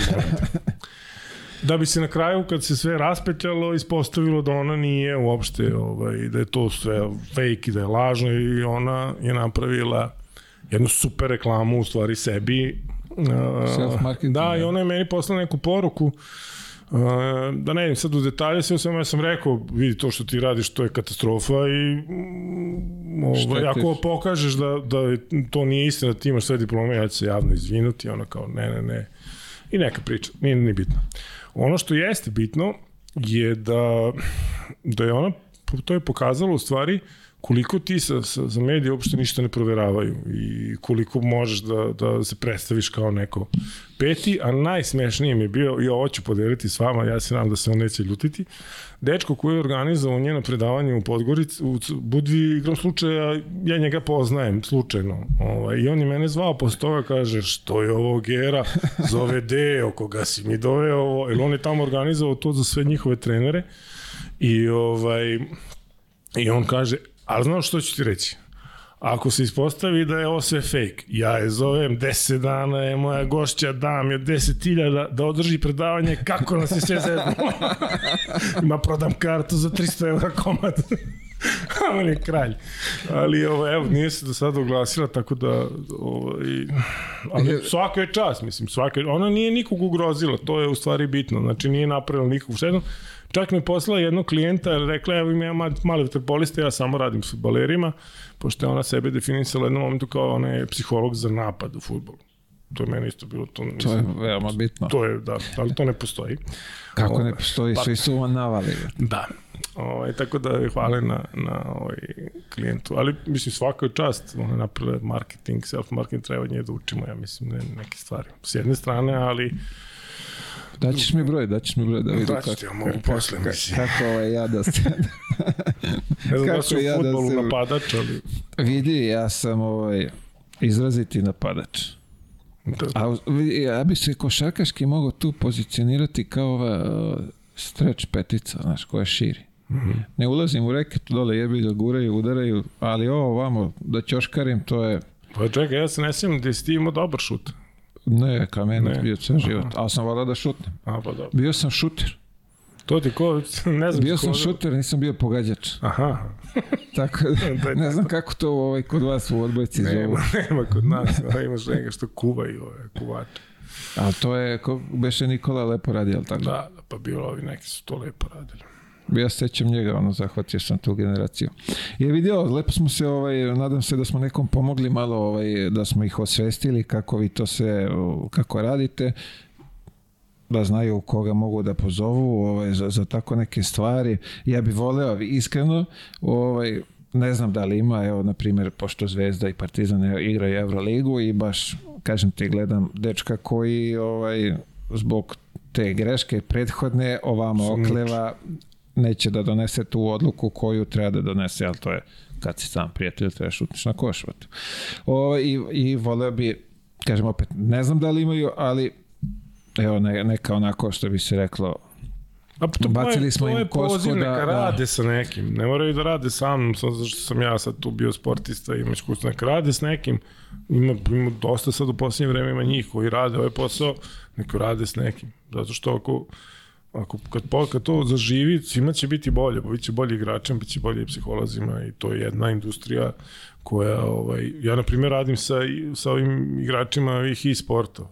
To je isto jako interesantno. čega? Ovi što igraju igrice. Oni Zebaš? će nas pojesti. Ne, oni će nas pojesti. Znači, to je toliko ljudi, broj ljudi koji igraju igrice, ima 17 nivoa liga.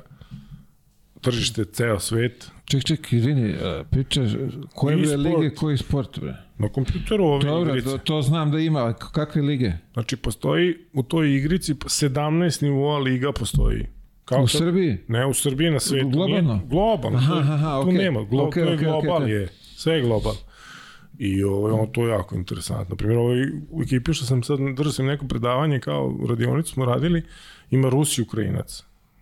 I još je Ukrajinac iz ovog dela gde je tu sad najveće borbe. Pa rekao, kako je, pa ko ima neki brzi internet i on tu igra se. Treniraju po 8 sati dnevno, spavaju, rade teretanu. Znači, kao profi sportisti. Sede za kompjuterom i čukaju. To je to je budu, mislim to je budućnost, a, a tržište, znaš kako sad ti kažeš, evo, bilo nas je od 1000 uspe jedan. Ovde ovu igricu igra onih 980 igra igricu, razumiješ? I tržište je ogromno, ulaganje su ogromne, te firme ulažu, one imaju budžete, imaju na pripreme. Igrao, radio sam s jednom ekipom koja je na pripremama u Beogradu. U Beogradu postoji centar za to da oni su u hotelu, dole imaju igrice. Ja pogledam frižider, u frižideru borovnice, maline, aronija i miks. Druže, pa to mi nismo imali kad našu olimpijadu. ovaj, I zdravi sokovi. Vidi, znam da, da, da, da su, ono, ne, negde mi je zapalo za oko prvenstvo sveta, slagaću te, Bilo je Counter Strike, šta je već? Jeste, ima Counter Strike, nešto ima Dota, no, zabao koliko miliona što je pobedio u tome. A Jeste. nisam znao da je to toliko... to Ovaj, je, to je industrija koja je ogromna, ima i naših igrača koji igraju. Ove, ali uglavnom su stranci, ekipe su međunarodne, znači postoji firme koje sponzorišu, ulaže se ogromno lova na ta takmičenja. Znači ima virtualna takmičenja, ti napune punu, punu halu od 20.000 ljudi, imaju dva tabore, oni gledaju na ekranima šta ovi rade. Čak i imaju i da i virtualno da se bore kao imaju arenu, pa tu se bore ti njihovi likovi i trodimenzionalno nešto se prikazuju ludilo mozga. Nažalost, sad zbog korone s tom jednom ekipom je bila ideja da idem na neko takmičenje, onda su nešto tu ispomerali, pa sam ovaj, ispao iz kombinacije, ali, ali, ovaj, ali to, je, to je budućnost. Ima i ovi što igraju košarku i futbol i fifu i to je stvarno zanimljivo. to je jako zanimljivo. Čekaj, šta ti, šta ti... To je sledećeg gosta, tog nekog nađe i sport playera. A ček, šta ti njemu objašnjaš, brate? On sedi za kompom i čuka Pa kod njih ima i- jako je bitno kako komuniciraju, znaš, i šta govore. Jel ti sad čukaš, ali ti gledaš tablu, ali slušaš svoje, koju svoju komunikaciju, u stvari osnovna stvar je u komunikaciji i sad isto to donošenje odluku, da krenem sad da napadnem ili ne, samo što mnogo brže sve ide nego u, u realnom ja bi to poredio s hokejem, ono, kol- koliko brzo idu odluke, jel ti sad non stop nešto klickaš, jel oni tehnički vladaju, ne prave oni greške u tom mrdanju miša i tastature, ili ne znam, CDA, tamo šta stiskaju. Ja znam kad sam ja prvi put to gledao, ništa nisam razumeo. Onda sam ja seo pa sam čitao to igrice, ono pusto, o čemu se tu radi, ko tu šta osvaja, ko vodi kakav lik. Sad, verovatno ovi tvoji slušalci što se razumeju, ja njima delujem smešno. Ovaj, Da, tek. ima neki glavni lik koji na početku je najslabiji i onda kako ide igrica, on postaje najjači. Sad oni ga tu nešto čuvaju, pa skrila, pa ludilo. Taktika, ono... Taktika, Jača taktika da. nego u sportu. Biranje lik, biranje karaktera, ludilo. Kako se komunicira, znači show program. To mislim da je budućnost. I to je moje kolege koje slušao počnite to da radite, to ćete 10 godina, imaćete klijenata koliko god hoćete. Čekaj, uh, ok, ako, ako sam ukapirao, taj Rus Ukrajinac i radiš online s njima, ne radi Da, da, nije? da, sve online ide, sve online. Oni se ne, nekad imaju kad su zajedno, znači zajedno su kao timski duh ovo ono, ali inače kad treniraju online imaju to tamo Discord, ima ta ne, na Discord, isto na Discordu. I ti sediš u, u Novom Sadu i njemu objašnjaš kako da čuva krilo. Ja, ne, ja se dogovorim s njim za sesiju, mi radimo i sad on kaže imam problem sa ovim. Ja se trudim uvek da gledam, znaš, obično čovek ima i neki privatne, privatne neke stvari, pa to sve utiče na, na tvoj performans. O, ja se trudim i da tu malo prođem ako tu nešto što mogu da pomognem, mogu, što ne mogu šalji, da, šalji ovaj, za psihoterapiju ako jeste, znaš. Ali onako, to su interesantne priče, to su ljudi koji su vrlo rano otišli od kuće i bave se igricama i tako. Znaš, jer ti kao roditelj, ja sam meni čerka da dođe da kaže, ej, tata, ću biti igrač, igram igricu. Kak je to posao? Mislim, iz moje, Da, iz da, moje da. pers- perspektive, I, međutim, sedi se iz kuće. Da, i međutim, ispostavit će se da to jeste posao. Ovaj, I da oni tu zarađuju, tu se ozbiljno novac se vrti. Zanimljivo. Hajde pravimo ekipu. Zovite Rusije da pravimo ekipu. Vidjet ćemo, ima i drugih nacionalnih. Evo, Vanja, Vanja, ti igraš, šta igraš ti? Kako zove ono tvoje? Pa, da, ti si, nisi u toj. Da. FIFA, to, to znam i ja, vidiš, ovo ima i odbrana i napad i čuvaš bokove, brate. Naj, naj, bilo mi onako najopečetljivije kad sam radio s jednim, on meni kaže, ja kažem, pa šta ćeš ti da radiš u životu? Kažu, neću sad svo vreme da igram Dotu. Ja rekao, kako misliš svo vreme? Kaže, ja ću samo da igram Dotu do kraja života. Ja rekao, dobro. Dota se zove igrica. Dota, da. To je ovo su Dota. Ima i taj LoL, ali ta Dota je Counter Strike i Dota su ono kao top. Valjda. Pa super, mislim lepo, drago mi je. Drago mi je ovo jako Ako se pronađu ljudi u tome, meni to onako, ja, ja sam i dalje stara. Zvuči šašavo, ali radi. Znači, tako ona reklama. Ja sam mog sina oženila. to je to, nećete verovati. Carski. E, vidi, svi, bravo, sviđa mi se, ovaj, drago mi je, evo, kolege, vatajte se i sporta, tako, i sporta. I sport i I sporta, tamo tek treba ovaj, bum se očekuje. psihologa, psihijatra, kako već. Pa psihologa, ne A, a vidio, prvi puno put kad smo se, ovaj, kad sam vidio šta radiš, to ja ste zamišljao kao ovaj, Miki Manojlović, znaš da je bila ona, Mhm. krevetić, pa Kao, Češkanje, pa se- da. da. Pa nije, ovaj, to sad ljudi brkaju šta je psiholog, šta je psihijatar, šta je psihoterapeut. U stvari u tom krugu, mi psiholozi, mi smo ti na najniži, ono, mi smo miševi. Jer psihijatar je neko ko daje lekove, ko napravi dijagnozu i ko kaže šta treba da se radi. kod njega je lova, on šalje u apoteku. Da, a mi smo neki ko, ko sad radi to što treba, mi neke testove tamo nešto drndamo, a ovaj, ovi psihoterapeuti ne moraju da budu psiholozi da bi bili psihoterapeuti, a oni pričaju s tom što ima raznih pravaca, neki pravci su dobri za ovo, neki za ono, ja nisam psihoterapeut, ali koristim neke tehnike iz te psihoterapije koje su, koje su ovaj, ok. Kada vidim da neko, mislim, ja umem da prepoznam kad stvarno ima neko problem, onda ja to ne radim, ja to pošaljem koleginici, ali do sada nisam imao puno, puno takvih, imao sam, ne znam, desetak možda slučajeva.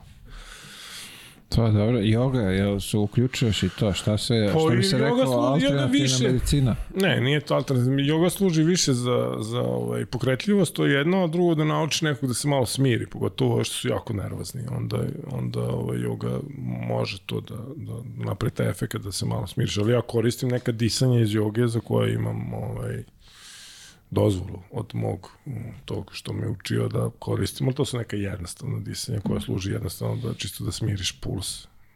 Naprimjer, imaš kod, kod strelaca je to dosta, ovo što se bave streljaštvom, kod njih je dosta bitno da budu potpuno mirni. Sad puca poslednji metak, razlika je 0-1, sad kako da se smiri, da ono, uf, da diše, da smiri otkuce srca, oni rade puno i oni njih to uče i treneri, ali ima još tu nekih tehnika koje dodatno još mogu da te spuste. I ono to mi je najinteresantnije, na primjer, ovaj, kod, imaš kod dopinga kao sad taj THC ko je pozitivan THC za strelce na primjer THC ima smisla, on te onako smiri, ali za neki sport gde je borilački kad si po THC-om to nije doping nego je kontraefekat.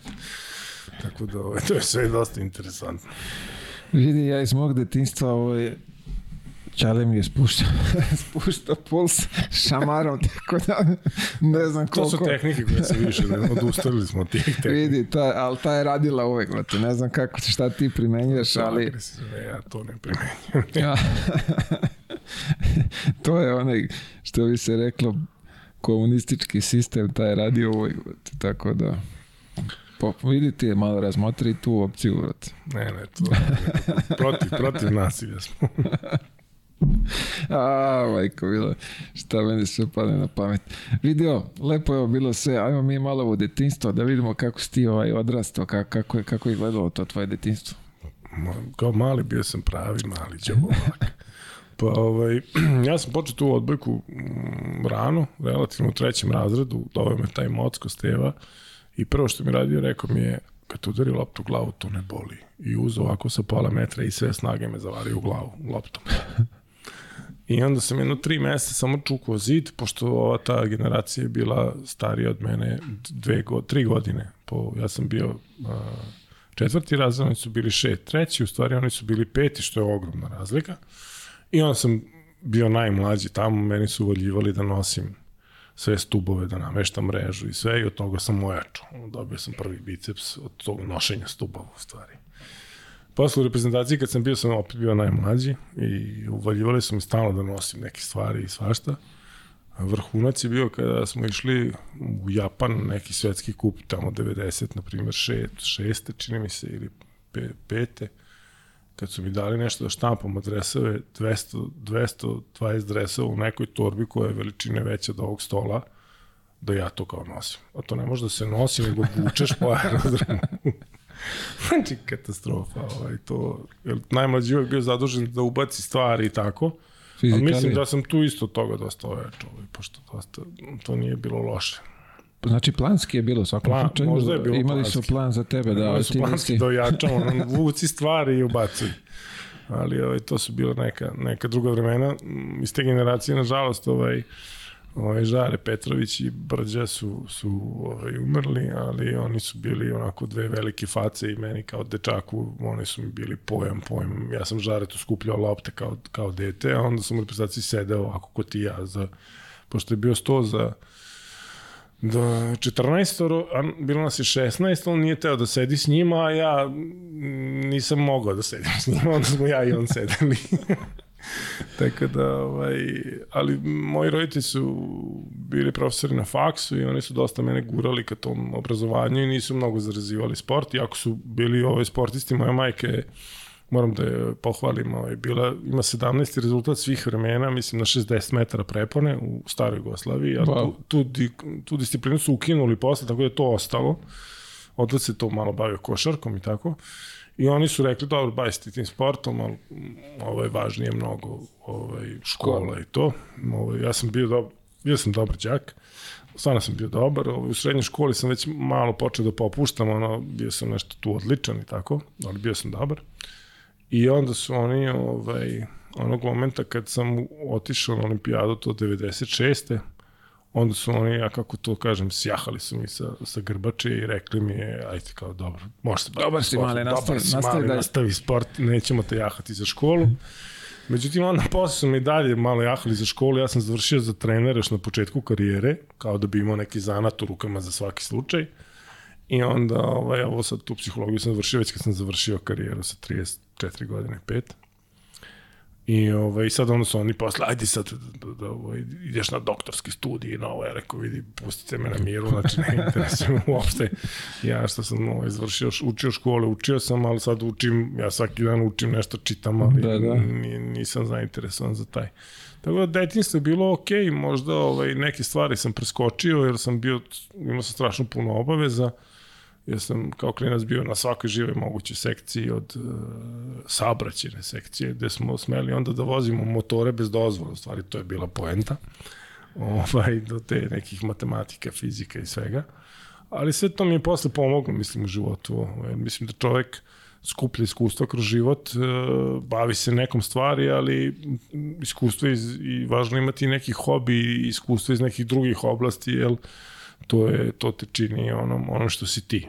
Jer inače bi svi bili samo roboti koji rade jednu stvar i, i ništa drugo, ali mislim da kao što sam rekao, čovjek je stvoren da bude dobar u raznim stvarima i treba da širi svoje vidike i da čita i da uči i, i sad je danas sve dostupno, ovaj, evo i kroz te podcaste, kao što ti radiš i kroz druge podcaste, možeš čuti razne pametne stvari.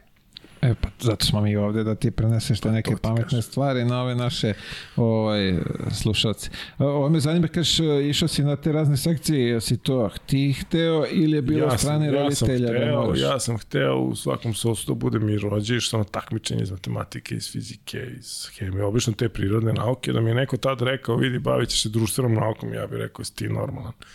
Ali eto, viš kako to se promeni i sad se bavim ovim. Meni je ovo strašno interesantno. Ovo, meni je, Mene, jer ti nikad ne znaš klijent s čim će ti doći, o čemu će ti pričati, šta će raditi i koliko god se ti spremaš za neku sesiju, on ti dođe s nekom petom temom, ima puno improvizacije, ima i u stvari možeš da držiš puno znanja i da se prilagođavaš i da tražiš, tražiš rešenja. U stvari to traženje rešenja, mislim da je to nešto što je najinteresantnije. Ono kad nešto rešiš, neki problem nekom, onda kao wow. Uh, ja imam neku informaciju da se ti rvanjem bavio na početku. Bavio se judom, nisam Judom, rvanjem, nije da, bila ta kategorija. da, to ja mešam, ali Ovaj, e, pa bavio se judom, to, je, to su mi stavili kao ono da, da, da naučim da padam u stvari. Međutim, tad judo je bio tako koncipiran da nije bilo po godinama nego po kilama. A pošto ja ovaj, sad sam malo jači i onda sam bio dosta jači, onda sam ja kao prva godina, sedmi, sedam godina se borio sa dečacima koji imaju 10-11 godina. Ja imam neki žuti pojas mrtvi, a oni imaju brown i borbe su trajale između 5,5 i 17,5 sekundi, jer me uvatao neki zahvat što ja ne znam i čao. Tako da nisam slavno prošao na judo, ali judo me naučio da kako da padam. Ovaj, kako, kako da padnem, fizički da padnem, tako da, eto, to je bilo ta neka kratka epizoda Juda. Ima tu još nekih priča, ali evo podelit ću samo, pošto ste mi dragi. Imali smo nekog trenera ovaj, koji je bio onako dosta autoritivan i trao se i na prvi trening kad me tata odveo, kad još pre škole, ja sam ostavio sve stvari i pobego, pobego kući. Zato što su se svi nabili, ko si ti, ko si ti, šta je? I ja ovako, Gde pričaš o, o kom treningu? Imao sam šest godina, prvi trening i kaže idi u stočionicu, presvuzi se, ja došao, ono svi neki veliki. Za judo ili za... Za judo. Za judo. Svi krenuli da viču, ja sam ovako pustio torbu i pobegao kući. e onda posle, posle kad sam trenirao, ovaj, trener rekao ne može da se ide u WC. I onda sam ja uh, se upišao na na onoj strunjači, zato što sam slušao trenera. I onda su me svi to zajebavali do kraja ovaj, osnovne škole. Ali eto to, kad sam bio mladi, lud. I imao trener, trener kaže, pošto nisi rekao? Pa ja kažem, pa rekli ste da ne sme da se ide. Tako da, ovaj, to je sve, sve ta neka iskustva posle ovaj, te naprave onakim kakav jesi. Jel, pazi sad, kad, kad to spominješ, ja sam imao situaciju da je ovaj u, u Sevilji, Mm -hmm. profi ekipa, imamo trenera koji ne dozvoljava da odeš u WC. I ovaj prijatelj, jedan Poljak, što vidi, ja ću sad ovde da močem, što bi rekli ovaj, na, na, na parketu, i- mislim, i ovaj Nema kao dobro, kao, ajde, preteraj se, ide. Pa da, ali možda zamisliš iz perspektive nekog ko ima 7 godina, razumeš, i ko je onaj judista, oni su dosta onako ima grubih, mada posle ja kroz rad u stvari sam shvatio da, da puno tima boraca, radio sam dosta sa, sa ovim borcima, ne znam, radio sam čak i s jednim MMA borcom i ti jiu-jitsu i svi, oni u normalnom životu su skroz miroljubivi i ono ne bi mrava zgazili, puno njih, ali kad, kad ih vidiš u ringu, brate, da, da se uplašiš. Jedan, baš se sećam, s jednim sam nešto radio, kad je došao, ja sam rekao, vidi, samo nemoj da me biješ, radi šta hoćeš. Gledao sam jednu njegovu borbu, znači da se uplašiš, on ovako do, skroz dobrica, dobri dobrici. I onda sam posle gledao neka istraživanja, gde u stvari ta ag- agresija, agresivnost uopšte nije zastupljena kod tih nekih na najvišem nivo- nivoima, nego jednostavno u sportu oni to iskoriste, a u privatno oni uopšte nisu agresivni. Onako baš interesantno. Pa bravo, sad ima kako se beše Ruso i što je isto MMA, što je Hikido sve. Flo, flo, flo, Pa ima ovaj, uh, ima ovaj igrac, ima ovaj, ne znam kako se zove. kako? Ne, ne, Rus, Rus. Ne. Ne, ovaj Oni su bre, neki Tadžikistance. ne, ne, ne, ovaj bre, što je dolazi ovde u Beograd non stop, kako se zove bre, on je MMA, OK1 što je mlatio. On je isto, ono, vidiš ga uđe, ovaj, svi se namršte na njega kad ono, znaš, ona faca neka mirna, pokloni mu se i šamara ga čas posla i, i izađe. Pa dobro, to na, na, ali ono što jeste, nekad ti na, na takmičenju nisi ti onaj isti koji iz normalnog života. Mislim, na takmičenju ti si ono zver, kitaš, grabiš. U normalnom životu može biti mirano, može biti i potpuno obrnut. Pa da, ali kad kažeš, uh, zna, zašto sam ti rekao, zato, uh, rekao si na visokom nivou. Da, Čovjek da. je najbolji u toj kategoriji. Da. A ovi, znaš, što su dole, što imaju komplekse, oni idu i šibaju se i po ulici i mlate i vamo tamo. Ovaj gospodin čovjek skine, lepo uđe. Jo, kako mi krivo sve što ne mogu setiti kako se zove čovjek. Ovaj, dolazi bre, on je stop tu u Beogradu, malo, malo. Ovaj, i, a on lepo, znaš, ono kako uđu u onaj ring, oni svi se mršte, nešto gledaju, on, znaš, ljuti pogledi u oči, kao, po ništa, izgleda Ima onaj, lepo. ima onaj Rus, ja njega često spominjam u predavanjima, i Karenin, onaj Rus, što je bio prvak u rvanju. E taj, ja sam ga vidio uživo, znači mi jedemo ovako u Sidneju, pošto na olimpijadama, ovaj, u restoranima, u restorani pod šatorom je ogroman restoran i svi sad tamo dođu i jedu, samo mi se dogovorimo, ješćemo tu, pa kao svi tu donesete. I sad mi jedemo i ja čujem ono bum, bum, nešto ide, koji iz crtanog filma kad idu slovovi pa ona ku, skuplje jaja. I ja se pogledam i vidim njega, on 130 kila, znači jak ko bizon. I ja rekao, ko je ovaj čoveč? I onda su mi rekli ko je. I on je izgubio dve borbe u životu. Jedno je izgubio, u, kad se prvi put takmičio na nekom sve ruskom takmičenju u finalu, je, ili je polomio ruku prvo s jednom rukom i izgubio je a drugo izgubio poslednju baš u Sidniju protiv Amerikanca i to na Amerikanci su dosudili neki kazneni poen, njemu su dosudili u stvari, pa Amerikanac dobio zbog toga. Inače sve je osvojio, osvojio je, ne znam, evropsko prvenstvo 11 puta. Pa kad su ga pitali ko je, ili ima neki jači čovjek od tebe, pa kaže, pa brat me dobija, ali on ne može da se takmiči, on me, ovaj, relativno me lema.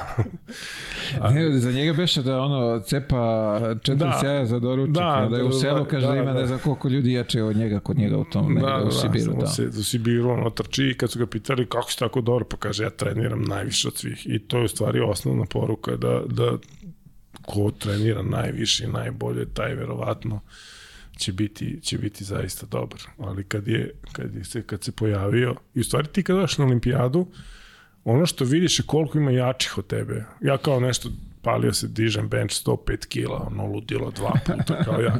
Ja pogledam pored mene, neki tip radi seriju sa 160 kila. Ja pomislim, bože, ovo je ništa. Beži kući, motaj kablu. A i da. tu dolazimo do jednog važnog momenta, to je poređenje. Ne treba se porediti sa drugim ljudima, svaki čovek ima svoj put i svoj način kako nešto radi. Ako se jako puno porediš, od toga nemaš ništa, samo se nerviraš. Jer uvek ima nekih boljih. I uvek ima nekih loših, ovaj, ali ako se porediš, mani poređenja, nego vozi svoju priču. To je isto dobra poruka ovaj, za ljude koji slušaju samo Jeste, pa ovo važi u, ne samo u sportu, važi i u životu. Jer možete biti ceo život nesrećni zato što ima nekog ko je bolji. Zamislite da počinjete igrate tenis i gledate Novaka i kažete ja ću budem ko Novak i ne, i ne ide vam. I takvih na svetu trenutno koji igraju tenis ima, ne znam, 15 miliona. Oni bi trebali svi da batale tenis, ali oni uživaju onome što oni rade i kako oni rade. Svaki čovjek ima svoj put i porediš se samo sam sa sobom. Koliko si ti ovaj, e, trenirao kad si bio u tim mlađim kategorijama? Pa trenirao sam mnogo i trenirao sam, na primjer, mi smo imali četiri puta, četiri puta nedeljno treningi po dva sata. Tada je odbojka se igrala ono na poen promena, pa su treninzi trajali po dva i po sata, zato što uvek mora trening da traje više nego što traje utakmica, to je sistem u stvari. Ali posle kad se promenila odbojka, onda treninzi ne traju duže od dva sata u principu. Znam da smo jednu utakmicu igrali 3 sata i 24 minuta, to je bio rekord neke svetske lige, mislim da i dalje to stoji kao rekord ali to je onaj konje ubijaju za neku, onu- za neku onom filmu, znači na kraju niko nije mogu da stoji na nogama, ni mi, ni, ti španci mrtvi. Na kraju smo ih nešto dobili jedva. Uh, sećam se kad je, kad je, kad je promenjeno to pravilo. Tu je bilo kao, a šta, ovo sad vama tamo i wow, ću te sad, neko je od naših bio u Italiji i znam da je bilo kao ljudi plaćaju kartu kao da gledaju kao sad će doći kao zbog, zbog sat i po kao. Da. Pa to je promenjeno pravilo zbog televizije u stvari, jer sad televizija je svela to na format, odbojkaš utakmica traje sat i po, otprilike. Kao što u košarci imaš na vreme i znaš da traje, koliko traje? Traje, dva sata traje sve ukupno i zdravo. A ovo kad je bilo sad ti koji prenose tri i po sata našu utakmicu, to je da se upucaš. Tako biše, uh, moraš da uzmeš poen da bi, kako da, biše, da osvojiš uzmeš poen poen, samo kad ti serviraš, onda uzimaš poen. A kad on servira, to je nešto zove promena. Kao. tako je, A da. sad se sve računa. Malo su povećali broj poena. Tako je, pre bilo do 15, ali tako Da, biše? da, da, da, do 15. Do 15 i Ali bo, Peti. ovaj sistem je bolji, ili onako interesantniji igra i moraš odmah počneš da igraš. Ne možeš da, jer tamo si mogu malo da čekaš, čekaš, čekaš, pa onda daš gas. Sad moraš da daš gas od početka.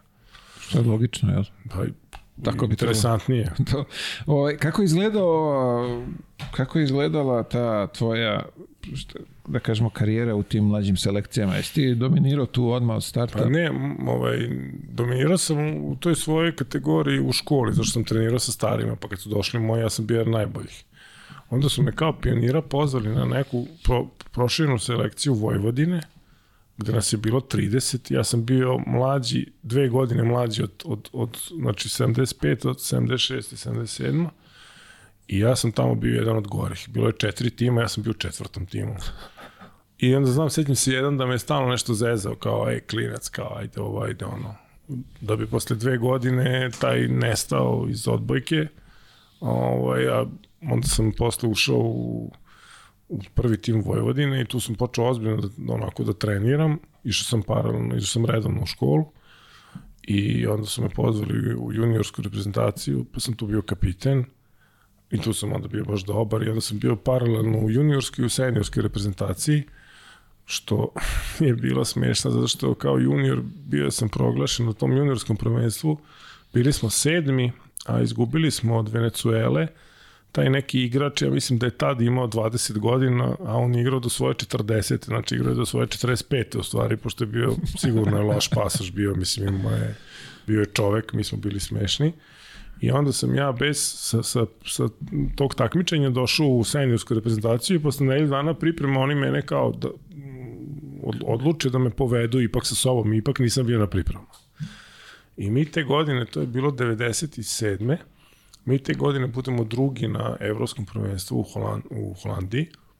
Međutim, ja tamo nisam, ja sam tamo odigrao, jednom sam ušao na blok koja me uopšte nije uvodio, znači nula bodova, ništa.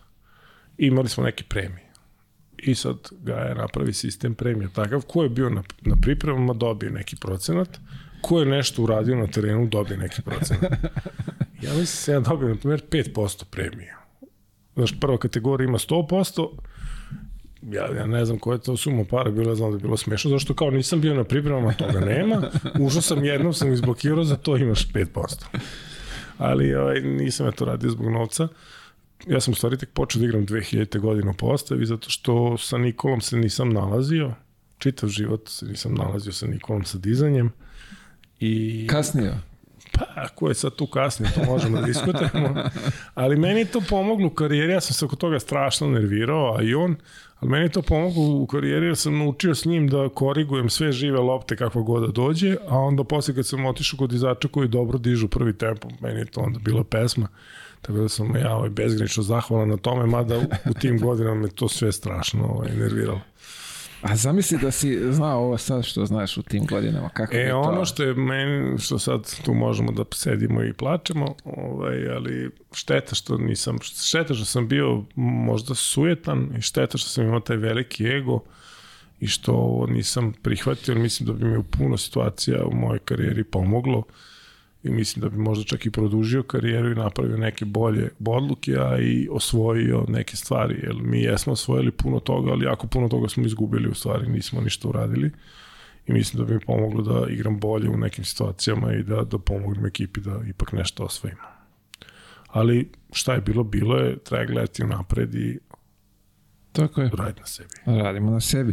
Ovaj, koliko si, uh, ajde ovako, ulaziš u ekipu prvog tima Vojvodine, tamo te verovatno sačekuju, 93. sačekuju stare kajle. Da, stare Kajle, ali oni su bili korektni. Imali smo neke pripreme, znam da smo išli u Aranđelovac, gde ja idem na pijacu, ovaj, pošto tad je bilo ono 93. vreme, kriza, jedna marka, i onda ja neke majice kupujem neke od pamuka, pošto nisam imao ništa, mislim. I imam pet majica, pa nešto perem tamo, jer se u, u hala u Aranđelovcu tada, m, kakva klima, to je pojam, i meni treba četiri majice po treningu, zato što se znojim, I onda to već deseti dan priprema tog pranja na ruke, to ne liči ni na što te majice smrdi soba, katastrofa. I onda mi se desilo da na jednom padu, bukvalno ovako, samo ako dodirnem pato s kolenom i pojavi mi se hematom i počne da me boli, sad ja klinac prve pripreme ne sam ništa da kažem, znaš. I ja ćutim i trčim i radim i sve i tu već kraj priprema i mi igramo neku pripremu utakmicu ja kažem ja ne mogu da savijem nogu uopšte. I one mene, vratimo se u Novi Sad, to je bila nedelja, u ponedjak ja odem u bolnicu i oni kažu tebi je ovo krenuo gnoj, kao moramo da ti, moramo to da isečemo. Ja kažem, pa ćete mi dati neku anesteziju. O, kao ne ide na to anesteziju. Ja kažem, kako ne ide anestezija? Pa kao držat ćete sestre. I u tom momentu one dolaze tu me nešto drže i sad oni, u stvari oni to zaseku pa stave neki dren da se vadi gnoj i kaže da si došao za dva dana ušubiti gnoj u koleno, tri meseca pauze, čao. A u stvari meni je toliko imunitet pao od tih priprema da od tog malog udarca mi se napravilo ovaj, baš veliki problem. I ja, ja sad kako meni se koji okrenem da se derem sve snage i sad toko se drao, ono muk, znaš čekaonica, puno tamo ljudi i ja izlazim i oni sad svi ono preplašeni, razumeš, ako su meni to radili, šta će raditi njima? I ja, pazi, kad sam išao na kontrolu, kaže, ovo jedan doktor, to nešto se drao prošli put? Ja rekao, jeste. Mislim, ja što se tiče toga, uopšte nisam hrabar, što se tiče tih doktora, ja se toga bojim ko, ko djavola. I ovaj, sva sreće, pa nisam imao puno nekih, nekih intervencija i to me nekako sam imao sreće u, karijeri. Imao sam neki problem sa, sa krvotokom, ovaj, s nekim trombom, imam problem nešto s leđima, koleno, ali to je sve sitno, nisam imao nikakvu veliku operaciju, ni ništa. Zbog toga sam zahvalan baš. Sačuvao si se lepo. Da. To je zato što je Nikola dizao lo, loše lopte. Pa, ve, moguće da je.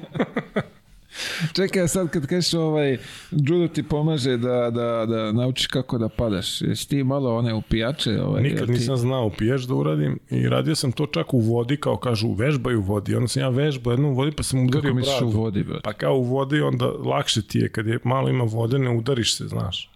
Znaš kako ima upijač, ovako se napravi, tako bi Dobro, treba. da. I ja sam sad to, te prve godine pre tih priprema, ja tamo na pesku, malo ni plitka voda, pa ja vežbam to, skačem, ali to ni na što ne liči. I čitavu karijeru nisam naučio da uradim taj pječ, nego je bilo na kolena i onda na- klizaj. Na štrandu, jeli? Da, da. I onda kad su, kad su bacili odbojku da sme nogom, tu sam ja progledao, samo nogama šutaš. Ima neka, ima neka vežba koju treneri često rade, kao koja služi da ti nateraš sebe da pipneš svaku loptu, on ti baca lopte, nemoguće i tvoj cilj je samo da je pipneš, kao da si stigu do nje. Ne smeš da odustaneš. Kad su uveli nogama, ja samo nogama, Kaže taj trener, ta nam je ovaj bio Miško trener, kaže, Gero, moraš rukom, pa rekao, šta rukom, rukom može nogom po pravilima. A, ovaj, Ima tih anegdota ovaj, milijardu. Ono što sam izdvojio onako u ovoj reprezentaciji smo se mi, pošto smo dugo igrali zajedno, neka ta generacija, ovaj, ja sam jako dobar sa ovim Vušurevićem koji je, koji je tamo u Crnoj Gori i kad smo bili u Japanu, u Japanu, ne znam, jesi imao priliku da igraš, oni tamo imaju neke auto, autobuse i tada autobusi, zadnji red se ovako okrene i na kraju autobusa imaš kao, ne, ne stoje ovako sedišta, nego stoje sa strane. dobro. I uvek su imali neke lustere u autobusu tamo nazad, onako neki kao lusteri. Onda mi tamo sedimo, idemo u utakmicu i spao, i polu spavamo, jer uvek ono, kad uvati ovaj, taj jet lag, ta vremenska razlika, dupe ti spava, I, ovaj, I onda se tamo nešto lupetamo nazad i sa, ti sa sve tim lusterom. Ono. Imaš osjećaj kao da si u dnevnoj sobi od babe, a ne u, a ne u autobusu. Nismo više, mi, ja sam bio tamo u svetsko prvenstvo 2006. Mm -hmm. ali nisam se susretao sa tim. Ti si verovatno pre malo ovaj, Da, da, kad da. si zahvatio to, možda su Pa, napredovali. deve- mi smo bili u Japanu na 6-7 puta ovaj, i uvek smo se trudili da ja sam bar gledao tamo gde smo da nešto obiđemo i znam da smo onda na prvi put kad smo bili, smo bili u 3D bioskopu, ono neke naočare 3D i sad ti pipaš kao da je tu. I ovaj, to je bilo ludilo.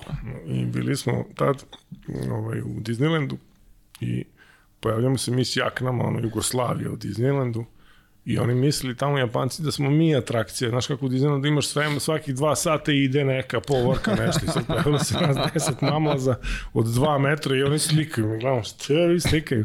A oni u stvari mislili da smo mi neka atrakcija u Disneylandu. Tako da bili smo atrakcija u Disneylandu. A dobro jeste naplaćivali slike.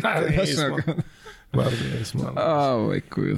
Carski. Jesi, ovaj, ti, si bio 96. isto, ovaj, Ja deo sam tima. bio od 95. do 2009. u reprezentaciji. Ali šesta je onako olimpijada, Šesta. što bi se Da, reklo. olimpijada, tu sam ušao, ovaj, igrao sam protiv Tunisa, jedan set, izgubimo mi taj set. Pazi, ja nešto prošao dve lopte. Boba Kovač je tad igrao katastrofa, ako me čuje, veliki pozdrav za njega. I mene, i mene izbaci trener, oni sledeći set ih ubiju. Sad ovaj komentator kaže, evo kao izašao je Gerić i stvari su se sredile. Ja pazi, ni, li, ni luk jedan, ni luk miris. Ja se čujem sa mamom, kaže, mama, ja, sine, nemoj da se nerviraš, kao dobro je bilo, ovo, ono je li bila percepcija kao ja sam, ja sam ono ustru utakmicu, ja nemam veze sa životom. Jer to mi je bilo ovaj, jedin, i još sam ušao na neki blok tamo, to mi je bila moja olimpijada. Kakav je doživljaj bio te, kažemo, posle svih ovih loših godina tad ovde, ratne, vamo tamo, odlazite na olimpijadu?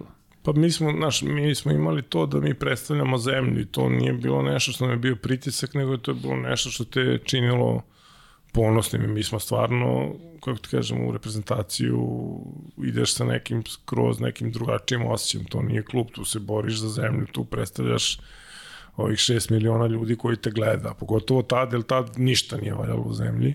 Jedino je sport bio dobar, tu je bio košarka 95, ono isto u Grčkoj osvojila, košarka, vaterpolo i to je to i rukometno. Ako sam nekog zaboravio, izvinjavam se. I, ovaj, I onda mi smo se stvarno trudili da uradimo naj, ono, najbolje što možemo i meni ta prva olimpijada mi je bilo onako event najveći u mojim očima.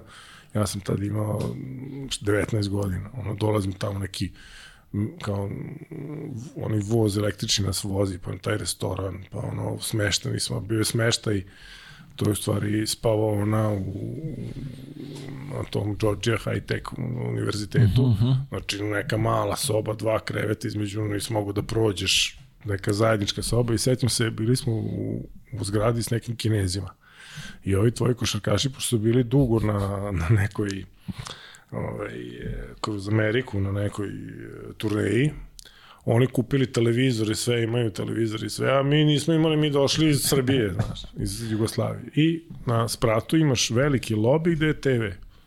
Sedi neki kinez i gleda rvanje, druže. Mi svi gledamo rvanje, niko ne sme da mu kaže, menja kanal, pošto imaš sad svaki kanal i drugi sport gledamo svirevanje pola sata, ode Kinez prebaci na onda ih odnosi. Znači šta Kinez gleda, mi svi to. Ali taj meni olimpijada onako najveći utisak na mene. Ovaj, Si bio na otvaranju?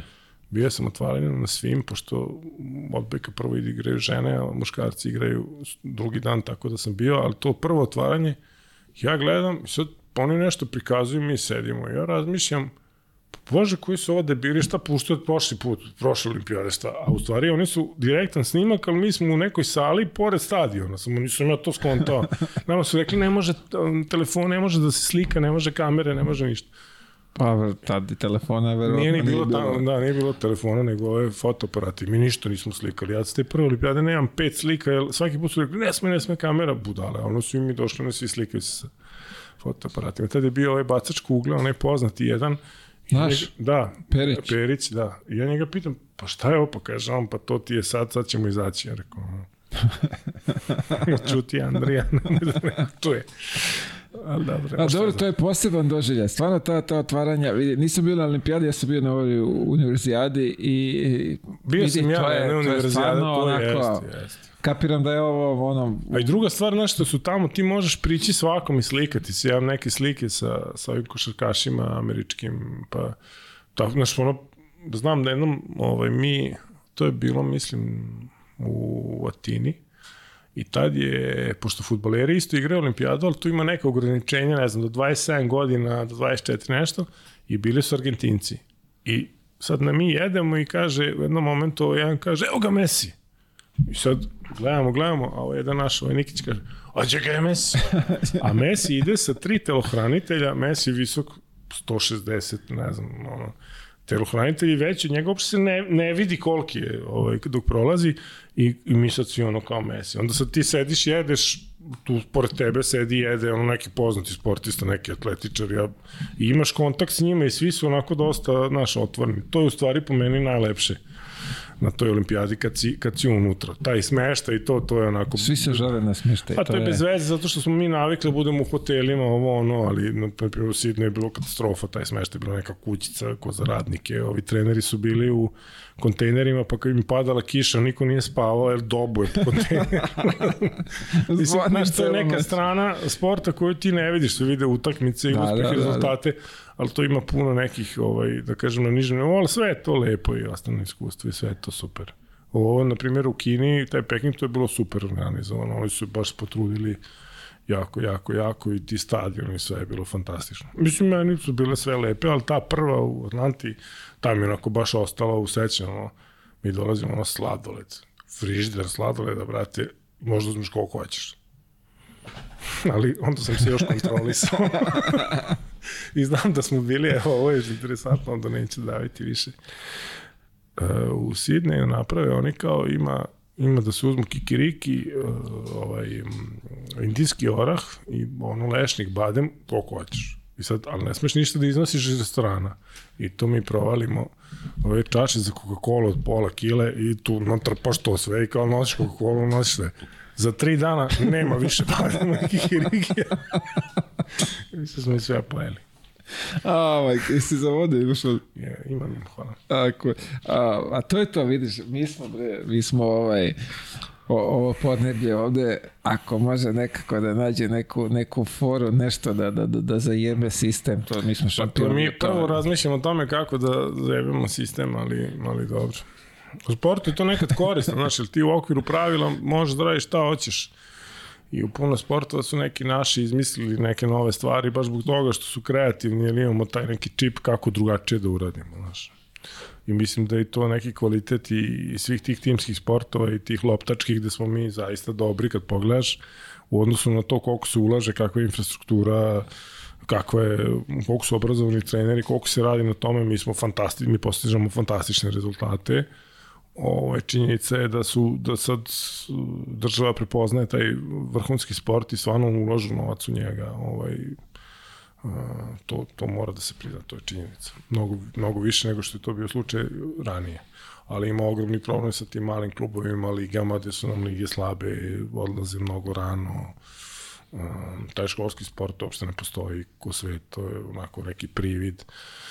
Ali valjda to, to kad bude moj bio predsjednik Saveza, onda To ćemo... ćemo da rešimo Da, tad. ne možemo sve rešiti odmah. Pa ne može, da, tako je, ali naći ćemo rupu u sistemu, pa ćemo to sve da... Ovaj. A recimo, sad kad spominješ e, mlade, kako, kako izgleda u odbojci to, ovaj, je li ima, što biste rekao, odlazaka kako ko u basketu i Pa, ostalim sportovima ranije? Pa ima odlazaka, ali uglavnom nema kvaliteta i ovo, ima vrlo malo igrača za koje se neko otima, zato što nema puno dečaka. Odbojka ima problem sa dečacima, jer svi dečaci visoki idu na košarku i vrlo mali broj ovaj, dečaka ima. I to se tačno, posle, posle jednog momenta se tačno ovaj, postoji jedan ogroman disbalans. Ima jako puno devojčica, ali dečaka nema i odbojka će biti u ozbiljnom problemu. Ovaj, sad ovu, ovu ja, se, ja se molim i nadam da ćemo se kvalifikovati za Pariz, pošto na dve olimpijade nismo bili, ali ako ne bude to bilo, ja mislim da će biti u ozbiljnom problemu, jer ono tamo 2032 nema, nema dece, nema, ono, loši smo i pioniri, loši smo odnosno na druge i to mora da se radi sistemski, to što ti kažeš 13 godina, ono što sad uradimo, rezultati toga će biti 2033. A sad ne znam baš koliko rade. Do duše, sad je predsjednik Saveza, ovaj moj kum, tako da ovaj, dobro rade sad. A, a, ali dobro, ajde, vidjet ćemo, vidjet ćemo šta će, šta će biti. A, ajmo na, na, na, a, u- kako se zove, na Sidney. Sidney. Pa svi pitaju kao kako je to osvojiti. Mi tamo kad smo osvojili, mi smo igrali utakmicu i mislim da je ključna stvar bila što su nam ovi stručnjaci kupili karte bukvalno knap, jer niko nije očekivao da ćemo ući u finale. I imali smo karte odmah posle utakmice. Utakmica je bila tipa nešto, na primjer u 12.1, a mi smo imali avion u 7. I onda smo pakovali stvari, išao je bus, u bus stvari sve stavljaš i on ih vozi na aerodrom, a mi samo one torbe i idemo na utakmicu i mislim da je to bio jedan od ključeva što se tiče oko psihološki gledano, što smo se mi to jutro razmišljali o tim stvarima, smo sve upakovali, nismo upakovali, a manje smo zaboravite razmišljali o utakmici, znaš. A sećam se, noć pre toga, ja no, ne mogu da spavam sutra final olimpijade, katastrofa i sad im, bili smo u toj kućici, to je ko radnička, ovaj, gde Su kreveti bar odgovarali. kreveti su bili dobri, pokrivači su bili top, no sam donao pokrivač. Ovaj, svako, bile su sobe po dvojice i bilo je jedno veliki kao lobby, tu je bio TV i sve. I ja dolazim tamo i sedi tamo Goran, sedi Boba i ne znam ko je još bio i ono ne mogu da spavaju, ono nešto dva i sad mi vrtimo one kanale i ne može niko da spava, nerve kao šta će biti sutra, ono ne znamo i sve. Međutim, onda nekako sutra to torbe, ovo ono i već je bila utakmica i stvarno smo igrali dobro i ovo osvojili to, ali tada nismo bili svesni šta smo mi uradili, znaš. To je za nas bila utakmica tek posle kad smo došli ovde u Srbiju, a tad ovde je bila ona promena vlasti, Milošević, nešto, meni neki novinar, to se sećam, ja mi novinar, prvo pitanje me pita da li ste primiti neki orden? Sad ja kažem, kakav orden čoveče, mi smo bili na olimpijadi, ja ne znam, a ono, umeđu vremena se nešto sloba odlikovao, pa oko toga je bila čitava priča. Mislim, kao što rekoh, mediji umeju da od neke dobre stvari naprave neku, uvodi se za neke glup, gluposti, jer iz moje perspektive sportiste, tad me baš bolelo uvo i za slobu i za ove druge i šta se, šta se meni je bilo to što sam osvojio olimpijadu, naravno nisam bio ovaj, na, na toj slobi, na, da kažem, strani, onda je bilo najsmešnije što smo taj orden dobili posle, Kuštunica nam je dao orden, ali bio potpisan od strane Slobe, jer je tad bio predsjednik, mislim. Baš evo, juče sam, juče sam nešto tamo sređivo kuću, pa sam našao da je taj orden nešto Nemanja prvi, ili kako se zove. Pa dobro je, vidi. Tako da, Malo je možete vas. doći ovo da imamo ovde Treba onu, onu značkicu, onu ordensku, znaš. Kao, je kao, plavo, bijelo, plavo. to, to, to, kao ovi stari, znaš, oni Generali. vojnici, generali što imaju Nisam po, vojnik, po, nisam. po onoj Nisam vojnik. Pa dobro, lepo. A vidio sad me, jedna stvar me zanima. Ti vi kaš nisi svestan toga šta ste uradili. Dolazite ovde, Dolazimo ovde, doček, šta već. dolazimo ovde tad doček bulja, znači ono, u Beogradu ništa, ono, ne sme ništa okupljenje građana, a u Novom Sadu pun trg, puno sve, znači, kao treba nešto da kažeš, ja znam da sam ja sad tipa... Čekaj, niste išli svi tamo. Pa išli su svi ovi iz Novog Sada, pošto ovde nije bilo ništa, ovde je bilo nešto na aerodromu bez veze. Ovde je bilo, borili se sa vlašću. Da, a ovaj, tamo dolazimo tamo, ja znam sad tipa razmišljao šta ću da kažem pred onom masom. No kad mi daje mikrofon. Onda sam nešto sk sklepao. Ovaj, ne znam šta sam rekao.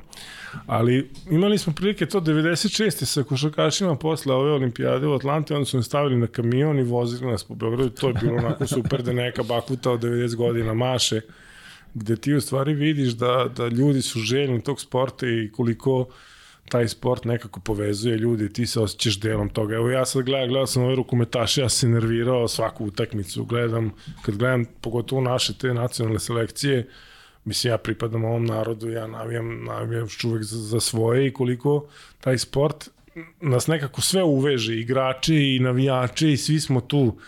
Evo, danas sam baš s nekom pričao i ona sa mnom priča kao da se znamo. Ja kažem, pitam pa zna, mi poznajemo? Pa kaže, ne znamo se ja tebe ko da znam, gledala sam te na televiziji. I to je, mislim, jedan kvalitet uh, sporta gde, gde su svi onako svi navijaju i svi i to neko zaista zdušno prati tu energiju ostiš. Jednom prilikom jedan pesnik mi je rekao, kaže, ja tebi zavidim. Ja ga pitam, što ti meni zavidiš? Ja ne pišem pesme. Kaže on, pa znaš, ja pišem pesme i moju knjigu neko pročita, neko ne. Ali kaže, ti imaš priliku da oduševiš milione gledalaca u jednom momentu da napraviš neku emociju kod njih. Ja kažem, jeste. Ali tek što imam priliku da ih razočaram. Ili ja verujem da ono kad smo tamo, kad pogrešiš servis, da je njih ono 100.000, pa ga opet je pogrešio servis. Ovaj. Ali to je sve lepo i to je deo sporta. Pa dobro, ta 96. dolazi onako posle malo te, težeg vremena, pa je verovatno bilo... Jeste, pa su bile dosta oči uprti u nas. I, i, ali to je sve, ja sam zahvalan što sam bio deo te generacije, jer u sportu, osim što treba jako puno da treniraš, treba malo da imaš sreće, da budeš na pravom mestu, pravo vreme. Tad se desilo da je trebalo baš moja pozicija, tad se desilo da je jedan rekao, ja hoću na univerzijadu, neću na evropsko, da bi igrao, pa sam ja upao u tim, tad se desilo 96. da im je trebalo, bilo je četiri srednjaka, da su po ovim novim pravilima ja ne bi nikad ušao tako mlad, jer sad ima samo tri srednjaka i tako neke stvari, ali ja duboko verujem da čovek kada se trudi i daje stvarno sve od sebe, na kraju to nekako se nagradi. Da, možda ne odma, ali dugoročno gledano da, i sad baš imam jednu klijentkinju, ovaj, sportiskinju i onako nije imala sreće u karijeri, nekako odabere klub, propadne klub, odabere drugi klub, oni promene trenera, dođe neka budala od trenera, ono, usere se u karijeru otprilike i sva tako razočarana i ona hoće da napusti. Ja, I mi radimo i ona kaže, x puta rekla da hoće da napusti, rekao, ajde izdrži sad, igraj, ovo je bitno, imaš reprezentaciju, to je nešto što je van kluba i sve. I sad baš pre, pre neko vreme mi šalje, "E, samo ti kažem, potpisala sam za jedan klub, taj klub bi trebalo da bude sve dobro i, da, i sad konačno će nešto da zaradi i tako. I onako ja baš nekako bio srećan, jer, jer toliko je uložila u taj sport i sve, a nije vratio realno, a usput se iskidala, imala povrede. A, ovaj, ali sad nekako, nekako je, se na kraju se ipak vratilo. Na kraju uvek to dođe na svoje. Pa, vidi, ali što ovaj, pitanje je da li ko je koliko strpljiv da dočeka to kad dolazi da, na, na naplatu. Mnogi, mnogi tu odustaju i ranije. I kako. Uh, ono što me zanima, da li ste vi bili svesni koliko ste vi tim medaljama ovaj, naciji doneli radosti? Pa mislim da jesmo, zato što smo mi nekako imali svi neke porodice, očeve, majke, sestre, žene, braću koje, koji su bili uključeni u taj proces i koji su bili, da kažem, proslavljali to sa nama, pa smo imali uvid, na kad su bile te utakmice, ja znam da su tamo kod mene organizovane ono ko žurka i onda se gleda utakmica, ne znam, ono u Sidneju, pošto je tamo plus 9, onda se gleda ono u zoru, otprilike u 4 ujutru kao gleda se od beka. I onda su to ljudi ko kod nas uvek okrenu na neku hedoniju, alkohol i zezanje, tako, ali ljudi su stvarno to pratili. Mene i dan danas, mene sreću, kad ono ulici kaže, e, sećam se onoga, kad, kad ste igrali i kad ste bili dobri, zato što ta neka generacija, mi smo stvarno bili jako praćeni, jako popularni. Nismo mi tad bili toga svesni, ali sad, mislim, sad, sad jesmo. Mene sad, evo, baš sam danas radio s nekim, ja pitam za nekog igrača, on nema pojma, dete rođeno, ne znam, imaš 16 godina, znači rođen je 2000 i Četvrte, pet. četvrte, pete, nema on pojma, šta mi kad smo igrali, on je imao dve godine, razumeš, ali njegov otac, on zna ko smo mi sve, Da. on nema pojma i to je skroz okej, okay, zato što ove nove generacije su, su drugačije. I, I ono kad bi pitaju, ajde poredi neke dve generacije, to ko babi i žabe da porediš. Drugačije je bila odbojka, drugačije je bio sport. Evo i košarka, pogledaj NBA i ne znam, pre 20 godina i sada. Sad je sve snaga, snaga, snaga. Ma pogledaj pre pet godina, ne pre ono... Sad pojavio se ovaj Jokić Veseli koji mi je ono srušio sistem, jer on nije na snagu, nego je na, na, na kliker. I baš ne znam koja komentarica kaže, e, počeo sam opet da gledam NBA, ono, zato što sad interesantno kada oni igraju ovaj Dončić i ovo sve kako. To je to, sad se vraća ono vreme kao divac iz Stojković kad su bili u Sakramentu, Da, znaš, da, pa da. kao sad imaš zbog, zbog nečeg verovatno da, se, da se budiš, da, da, da gledaš to, da gledaš te kasne. Vidio sad kad kažeš sećaju se, ja na primjer uh, ako pričamo o, o, o Sidneju, sećam se dve stvari. Ispravim ako grešim. Uh, Miljković je tada ono, ja mislim, počeo, tako je. Bilo je nešto, znam da ga je, da su ovi komentatori ga kudili, da je to bilo Bože sačuvaj. Mlad, ne zna šta, ne mogu setiti tačno kako je išla priča, ali bilo je nešto ono da su njega oblatili na nekim utakmicama i sećam se onog vanjinog preskakanja tamo preko one... Jeste, Vanja ima taj poen koji, ovaj, mnogo, koji svi pamte, koji se vrti, to je stvarno fantastičan Tako je. poem. Ivan je tad počeo, ali Ivan je nama donao taj kvalitet koji je nama falio. U stvari, nama je falio tad mesto korektora, falilo, nije falilo. Imali smo mi korektora, ali on je, on je bio kvalitetniji.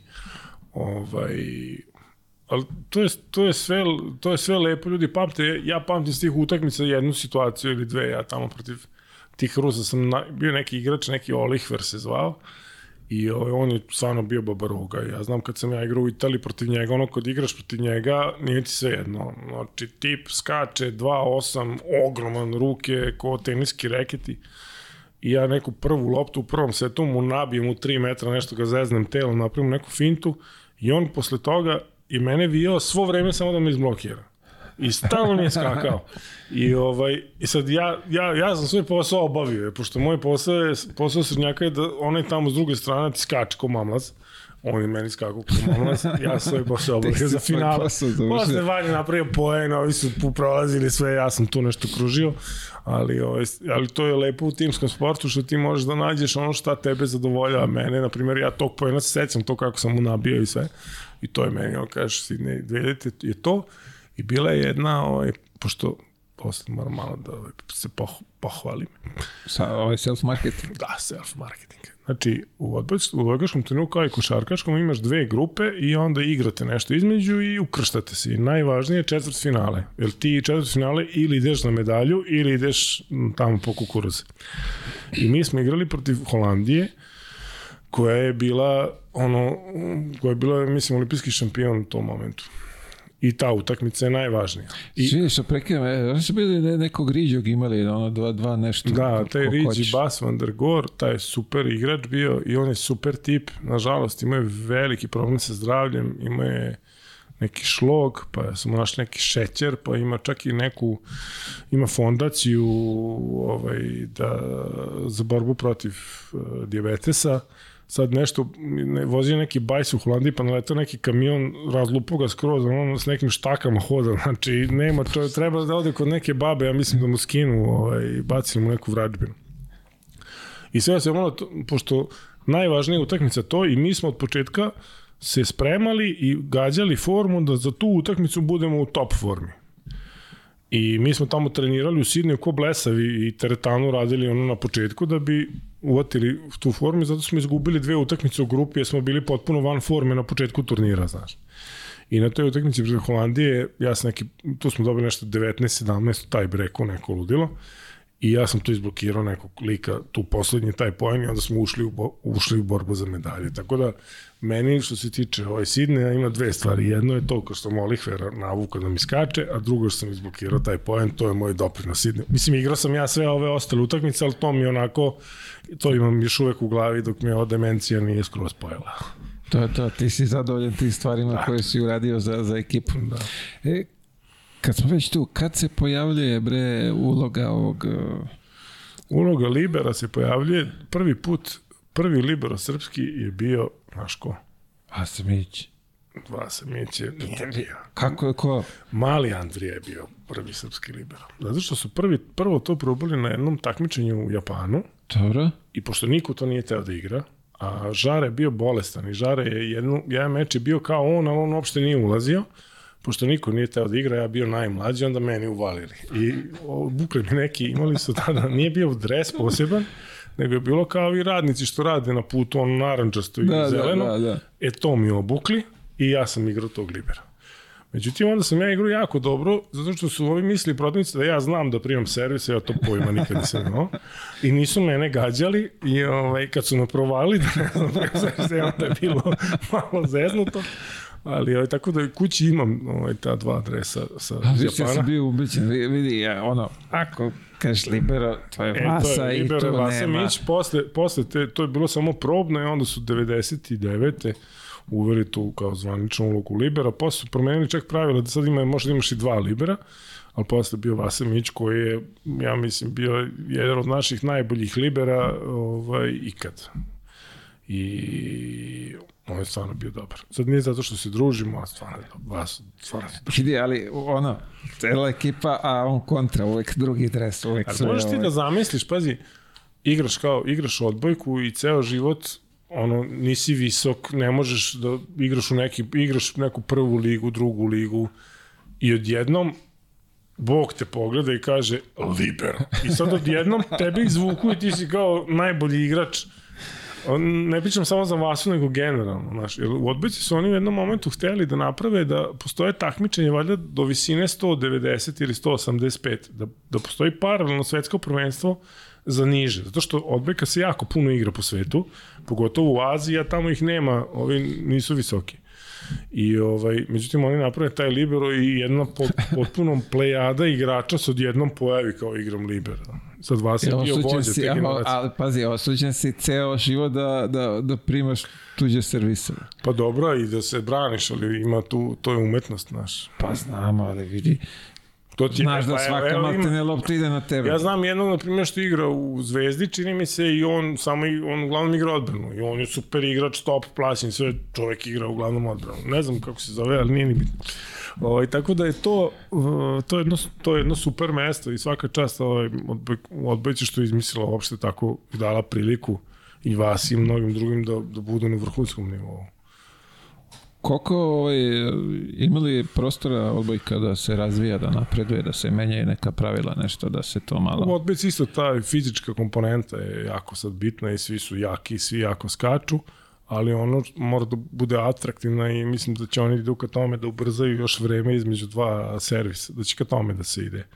Ima čak i neka ideja, kraći period, šta?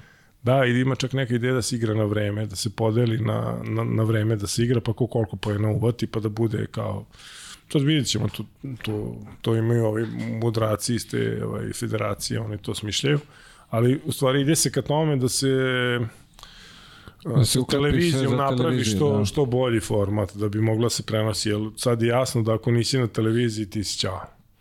Da nije dovoljno, koliko god je posjećeno, nije dovoljno, nego možeš biti na televiziji da to bude atraktivno ovaj, da, da, da bi ti prenosili. Ima sad i u košarci, znam da imaju sad ti neki novi sportovi kao, koji su atraktivni, ovaj, pa to sad nešto guraju i taj e-sport je nešto što će, na, će pojesti. Šta imaju sport. svoj kanal, čovječe, ja mislim da na ovoj jednoj televiziji imaju Jest, svoj kanal. Jeste, da komentariše, ja sam to slušao da razumem u čemu se radi. Ovaj. Sve edukovao si se malo. A, pa moraš se za sve edukovati. Da, vidi, pa, vi- vidiš, opet, znam da ima kanala, ja nemam pojma mnogo to, mislim, ne znam, vidim tamo mlate nešto, ono, naravno, promeniš, ideš dalje, nikad se A nisam neko zadržao. to gleda svo vreme. Da. Mislim, meni je ta, ta, da ti gledaš kako neko igra igricu, meni je to suluda ideja, ali očigledno ima ljudi koji to obožavaju i gledaju kako neko igra igricu. Pa verovatno i oni se čude kako mi gledamo neku utakmicu. Da, kako znaš, neko da. igra basket, Da. verovatno. Ali dobro, zato je svet lep i zašto su ljudi različiti, inače bi bilo dosta. Tako je, znači da smo svi u, u jednom kalupu. Stalno me šutaš ispod ovog I- stola, vidi, nezgodno. Ja moram ovde, ovde Srkiju da se žalimo ili već i nekako ne, kamere. Ne, ne možemo, ni, mi nogati ovde i šutiraš mu se dole, polomiš se. Ovaj, daj mi tvoj odlazak kod kuće, Italija beše prva destinacija, ali tako? Jeste. I Kako odlazi- to je izgledalo? To je sa koliko godina? Pa bilo je malo tužno zato što sa 20 i 99. sa 22. Ja sam potpisao ugovor dok je bilo bombardovanje i to sad kad se završilo i sve u septembru kao idem i odlazim, međutim ja oni meni, nisam im dao neku dozvolu za, dozvolu za auto, valjda nisam dao Ćaletu, zaboravio sam nešto, pošto kao ispraćio me Ćale i tadašnja devojka, sadašnja supruga, I ovo idem sam tamo, ono, preko bari. Tamo sad ne znam u šta idem. Svi su pričali neke priče, ja sam to zamišljao kako to izgleda. Ja sam izživeo sam u, u Novom Sadu da se pripremim za inostranstvo. I, međutim, a, a, ulaz pored Kevića. nisam baš ulaz pored. Jeste Novi Sad mali, ali nije baš toliko. I ovaj, ja tamo odlazim i ja potpisujem neki taj ugovor koji sam potpisao da sam tek posle otkrio bio takav da ako nisu zadovoljni mogu da me otaraju na polu sezoni. Što meni taj moj tadašnji menadžer uopšte nije tako predstavio, razumeš. I taj ugovor je takav da imaju neko obeštećenje koje uopšte nije bilo planirano. Ja sam rekao njemu samo nemoj da imam obeštećenje. I ovaj, odlazim tamo, međutim sreća je bila ta što je trener bio naš i bio je taj Goran Vujović ovaj, je bio u tom klubu i onda su meni strašno puno pomogli oko jezika i sve. I ja sam išao s Goranom ko mlađi brat, on kaže levo, ja levo, kaže desno, ja desno, on kaže donesi ovo.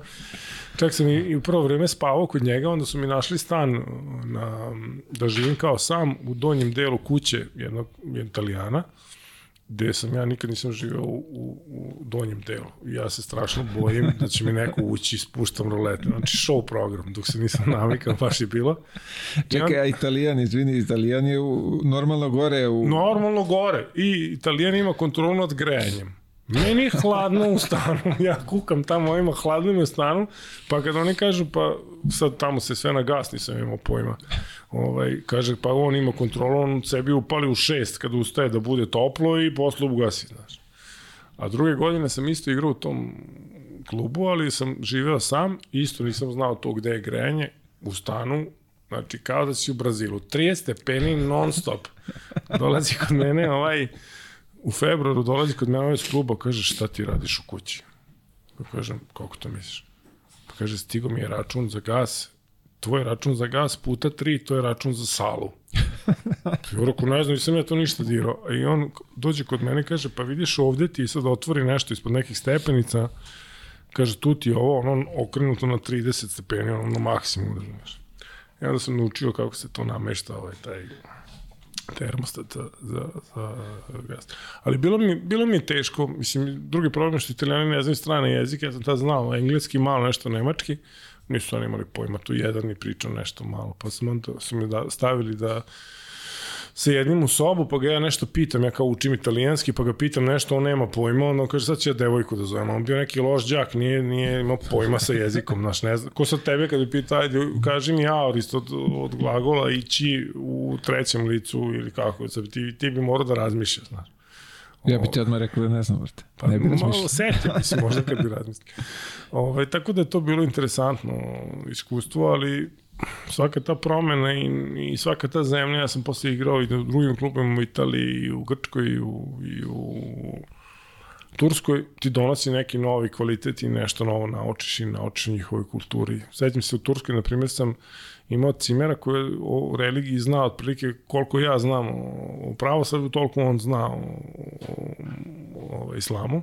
I onda smo imali te noćne rasprave, znaš, ono, sa religijskih stanovišta, kao raspravljam ja ako patrijarh i on kao ovaj, imam i onda se mi sad sporimo tu. Onako sve je bilo u nekom duhu ovaj, dobrom, ali sam jako tu puno naučio njihove religije, tako. To je sve interesantno. I taj period mog života je bio lep, koliko god je bio nesiguran, nisi znao da ješ igrati sledeće godine, znaš i ti kako je, ono, sve može da bude dobro, dođe trener i kaže, e, nećemo te više, ćao. Ovaj, ali napravio sam neke greške tu u karijeri, nisam trebao to tako da radim, ali sad lako je to reći posle 10 godina, tad sam radio najbolje što sam mogao. I mislim da je jako važno da čovek kada donosi neke odluke, jednom kada donese odluku, više se ne vraća na nju, jer samo se posle nerviraš. Imao sam priliku, zvali su me neki Rusi u jednom momentu za neke straobalne pare, međutim, italijanski klub me nije pustio i ja sam sad iz ove pozicije mislim da sam trebao više da stiskam taj italijanski klub da bi me pustili. Međutim, ovaj, nisam. I sad ta, to je propuštena prilika i onda posle jedno dve godine posle toga stalno vraćaš, e, da sam otišao u Rusiju, e, ovo je ono. Međutim, to je bilo potpuno pogrešno jer ja sam samo sebe nervirao. Godinu dana posle toga smo imali katastrofu u, u, od sezone u tom italijanskom klubu i bilo bi mnogo bolje da sam otišao u Rusiju za mene lično, ali ovaj, i nisam, ali čovek treba da kada nešto odluči, zaboravi da odlučio i tera to i sve snage, a ne da se vraća stalno na tu neku raskrsnicu. Kad dođeš do raskrsnice i vidiš da ćeš levo, ćeš desno, ko kažeš desno i skreneš desno, nema više vraćanja. Teraš desno, bar tako je to u sportu, pa onda do sledeće raskrsnice. Važno je da imaš raskrsnice, to je bitno da se nešto pitaš. Na, na, najbitnije je da ima deo ove, iz, da izbora, tako da ima. Uh, kultura u Italiji, kako se snašao to? Hrana? Pa ja lično ne volim baš pastu preterano, ali tamo sam naučio da je, da je volim. Oni se hrane kako treba da se hrane, žive dugo, Ono što meni se tamo nije dopadalo, samo jedna stvar, sve mi je super, ja u Italiju volim, to mi kod druga kuća, je što sve rade u isto vreme. Ne znam, petkom se ide na picu, svi idu na picu. Subotom se ide na picu sa porodicom, svi idu na picu. Nedeljom popodne se jede sladoled, ne možeš doći do sladoleda ako hoćeš da jedeš. Utorkom nema nikog u, u, da kupuje sladoled, ali nedeljom ovako. Ne znam, kad je ovaj praznik, svi idu kod tetke da ne znam šta rade, svi idu. I stalno je, stalno je gužva tako, jer svi rade sve u isto vreme a ovo ostalo, to mi se sve dopada. Jel, uh, ja sam se susreo sa, sa italijanom jednim koji je ovaj, uh, meni imao zamerke kako ja jedem pastu, znaš. Pa, Seckaš. pošto sam ja tako ta, ovaj, po, naš, naš ovaj način uzeo nož i to lepo da, da može ovaj, da se zahvati i seko Či to je takva doza ovaj pa to je njima kulturu ono kao kad bi Pa ne znam kako bi to sad ovaj pa ne, ne znam definisao. Kako bi to, Oni jedu pasu. Ozbiljno mi je zamerio, ozbiljno mi je zamerio. Zato što te duge što se motaju, znači mora znaš da motaš u, u kašici, staviš kašiku pa motaš.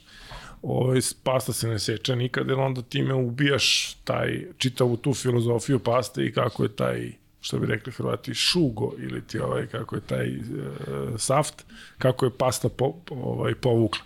Jer kod nas, na primjer, kombin, kombin, ima tačno određena pasta koja se kombinuje sa određenim sosevima i ima tačno zašto, zato što ostane u sosu, sos ostane u onim naborima u pasti i tako i ovo, no i sad ti kad isečeš ti to sve im usaraš im filozofiju, razumeš, to oni ne vole. A, meni je glupo bilo da mu kažem da, da ja kući jedem i hlebu s pastu, tako da. I kad staviš kečap, na primjer, pastu, to je kod njih ono svetogrđe ili kečap na picu, to je svetogrđe, znači na picu ide pelat, tačka kečapa, to kad tražiš kečap u pizzeriji, to te svi pogledaju kao da si, kao da si im nešto opsovao.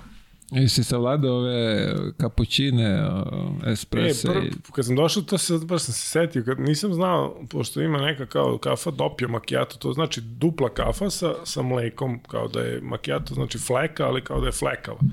I to je nešto bilo najsličnije našoj produženoj s mlekom, mada je bilo mnogo koncentrovanije, koncentrovanije I onda sam to na početku pio, ali posle sam počeo da pijem sve živo. I ono što, dok nisam otišao u Italiju, nisam pio vino uopšte. Uh, ja znam da je tebi ova firma sponsor, ali ja, ovde tad su bila vina veoma loša i nije bilo tih privatnih vinarija, niti su ove društvene vinarije pravile dobra vina.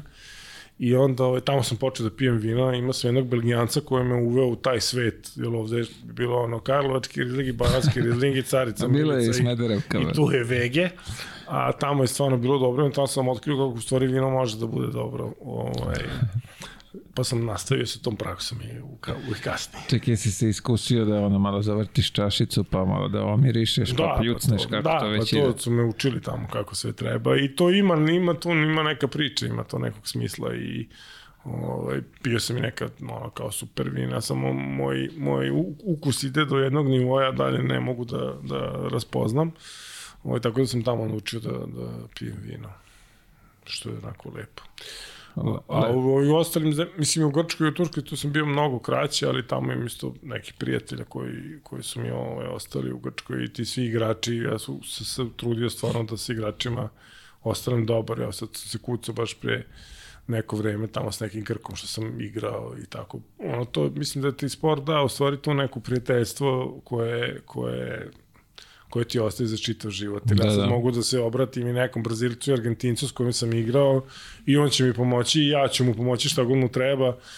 Čak i protivniku, neko koga se doživljava kao protivnik, posle nekoliko, posle ovo kad prođe karijera, shvatiš da je on bio u istoj situaciji kao i ti i dobri ste i baš neki Poljak mi pisao, znam da sam ga mrzeo, jer na tom juniorskom prvenstvu on je bio jedan od najboljih igrača, ja sam ga ono gledao sa, i posle smo igrali ovaj, još i kao seniori, Međutim, onda po, posle shvatiš da je i on čovek kao i ti. i Ali to je to, ali vidi, ti u tom momentu nisi svestan toga, tad je konkurencija, Konkurencija tad je daj, ono, da, da bude bolji, daj da ga šta god, a posle kad se završi, ono, sedneš na kafu, vidiš da je normalan tip. vezano za košarku, ovaj, mi u Poljskoj igramo neki turnir i ulazi neki tip visok tako ko ti, ono 2.15.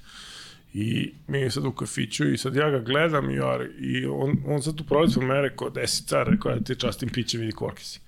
Kaže on meni, pa ja, ja se zovem tako i tako, nisam imam pojma ko je on. Kaže, vi Srbi niste normalni, kaže, ja sam igrao NBA, igram NBA, pa sam igrao sa nekim našim, kao vi samo da se, samo da častite piće, kao. I ja posle ga ovaj, je to? O- o- kako se... Da, Gor, Gort- Gor, Gortat, Gor, Gortat. Gortat, taj Marcin Gortat. Tako je, Marcin Ja ga Gortat. posle, on kaže, ja sam kao Marcin, ja ga googlam, Da, sam da, našao. da. Ono super lik pričali to veče. Ne, ne, mnogo gotivan tip. On je bio i kod uh, Saša Bradovića u, u Kelnu i mm Saša ga je onako izdriblo dobro i posle je A napravio. pazi, ja nisam uopšte, nisam nemao pojma, nego ja baš ono velik, sad tako ja kad, kad sam pored tebe, pošto ti više od mene, skoro 10 cm, ja sam, meni sve neprijatno, ja sam navikao da budem, ja, ja taj koji je jedan od većih, ovaj veći od mene, i šup, pojavio se ono ogroman Ne, tip. ne, on je gotivan tip. Gotivan tip i ono, a, nabada, nabada srpski. Da, da, i, ja sam nešto zezili, što sad kad malo što kad popiješ dve, onda je Da, da, sve, onda se otvori. Sve se otvori kanali Razumeš. komunikacije. Uh, iskustvo dole iz uh, Grčke i Turske, malo onako što bi se reklo, Pa u bio si u sam klubovima. kratko, bio sam u klubima, tamo sam igrao Evropu, u stvari, ovaj, zato što sam, bilo nas je više stranaca, igrao sam u, u Feneru, u Turskoj, u Grčkoj sam igrao u Panathinaikosu. Meni ta Grčka super zemlja za život, ovaj, i oni umeju da uživaju u životu, ono sve, sunce, more, top. Samo što s njima dogovoriti se lova, to je problem, znači to je katastrofa. A kod Turaka je, ono što je bilo drugačije je, um, kod njih se, se teško dogovoriš, ali ispoštujte kad se dogovoriš, ali dog, pregovori su ja nešto jako dugo trajali. Međutim, i oni su me nešto zeznali tamo u ugovoru, ovaj, što se tiče igranja. A što se tiče same sezone, oni imaju super uslove. I sad, na primjer, od bojkaške reprezentacije Turske, sad oni će tek da naprave dobar rezultat, jer sad mislim da je tih 13 godina, što bi ti rekao, sad im to dolazi. I na ovom evropskom su, ovaj, prošlom su, na svetskom su igrali super i mislim da će sad ove godine na evropskom oni će nam da budu bum, Da pokidaju, ja. da pokidaju, da. Imaju baš tog nekog dizača, ja sam igrao s njim, on je bio klinac, ovaj, sad je on jedan od najstarijih igrača, čak i on taj jednom momentu da batali, pa nije, i on je jedan od njihovih najboljih igrača sad, ovaj, onako jedan jako interesantan lik, jer kod njih se ja, postoje velike razlike između toga, između porodica u nivou obrazovanja, edukacije, ko priča engleski, ko ne, i to se onako vidi odmah na, na, na prvi pogled. Ta, te neke klasne razlike tamo strašno, strašno su zastupljene. Ovaj, ali to mi je bilo super iskustvo, ta, ta Turska, to je baš ono carevina i još drugo što si u Istanbulu i na moru. Meni to da budem na moru, meni je to jako bitno da budem pored vode, ne znam zbog čega, možda zbog prošlog života sam bio pored vode, ali svuda i u Italiji sam bio blizu vode i tako, jednom na jezeru, jednom mm, kod Jadranskog, ali ovaj, to, to mi je nekako bitno. I u stvari bitno je mesto gde igraš, a to ljudi nekad nisu, nisu toga svesni. Bitno je mesto gde živiš, ako sad izađemo iz okvira sporta, ovaj, je to je jako bitno. Kad biraš sad između te tri lokacije na kojim si boravio, šta, šta bi ti, evo, vidim da Atinet je isto onako... Pa u Tini sam živao na mestu gde sam imao terasu, kad ovako izađem, video, video sam more, ono sve brodove i stvarno je bilo fantastično. Ujutru napravim kafu i gledam tamo na sedim na terasi i 15 minuta kao gušter. To mi je bilo top. A, ovaj, a Italiju kako oni kako žive i ovo meni se to meni se to sviđa i meni je to nekako nekako blisko. U Istanbulu je bila ta ogromna gužva, to me je strašno nerviralo, ovaj ali ali mm, možda Grčka ali da te plaćaju Napolju ili uh, Atina ili uh, ili Italija. A reci mi, dugo si, koliko godina si ti u Italiji deset, kad se sabere deset, desetka? Da. Si razmišljao da ostaneš tamo, da, da živiš? Pa sad iz ove pozicije možda sam više trebao razmišljati o tome, ali nekako ja sam teo da se vratim kući, ja sam rano otišao u inostranstvo i meni je falilo, falila mi je Srbija, ali sad kad sam došao već ovde, ovaj, onda posle sam shvatio koje su prednosti, koje su mane života ovde, ali za sad smo ovde, pa sad vidjet ćemo šta će biti. Znači i dalje postoji opcija da... Pa sad deca moja su tu već polako velika, vjerojatno će studirati negde, pa gledat ćemo da studiraju napolje, pa ćemo onda vidjeti šta će to sad šta nosi život, ne znam možemo da planiramo samo do određene mere. Može da planiramo, a neko gleda i smese. Da. Ovaj, kako se zove, kad si počeo da razmišljaš o kraju karijere? Pa imao sam tu povredu 2004. Ja u mojoj glavi sam tu već prekinuo, su mi oni rekli nema ništa od obeke, možda ćemo ti seći ruku i tako zbog tih trombova. I mislim da mi je to pomoglo posle da završim karijeru lakše nekako, jer ja to veče sam u glavi ono šta ako sad ne bude mogao da igram i nema više odbojke. I onda mi to pomoglo po, posle. Mislim, završio sam karijeru kad sam shvatio da godinu dana koju ću igrati u Vojvodini to nema nikakvog smisla. Moja ideja je bila da odigram godinu dana, da uđem u Ligu šampiona i da odigram Ligu šampiona i da završim ali mi smo onda na kraju izgubili od Zvezde nešto, tako da je Zvezda bila prva. I onda sam ja shvatio kako ostanem opet da se borim za Ligu šampiona, to već nema smisla, tada je neka finanska situacija bila katastrofa u Vojvodini, a imao sam neke ponude, idem napolje, ali te ponude bi mi samo, da kažem, odvojile skroz od porodice, a nikakav efekat ne bi bilo, onda to bi bilo bez veze, onda sam rekao, dosta. Samo odradio sam pripreme s njima i onda sam shvatio da je to to, I onda sam otišao i u klub i rekao, neću više, oni su otišli na neko, tak, neku prijateljsko, neki turnir i kad su se vratili, otišli u učionicu, rekao, ćao momci svima, ćao, zdravo, vidimo se.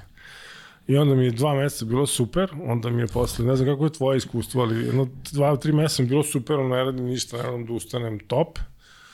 Onda mi, onda sam jedno šest meseci imao krizu, ono, pa sam onda išao da treniram u teretanu i ono, naš trebalo, fizički mi trebalo, onda sam se nekako namestio. Pa evo, meni je, sad će tri godine, top. Top. Da, ti si još u top fazi. Dobro. Ja nisam imao te krize, kako se zove. Ali evo vidiš, pronašli smo se kako se zove u ovom pa nekom... To je bitno da se pronađeš negde, čovjek da se pronađe. Ali opet bila je tu neka pauzica, gotovo pa godinu i po dana, možda je malo jače, znaš, ali uopšte nisam, nisam krizirao ko što ko što znaju neki da, da, da kriziraju, da, da. tako je, da.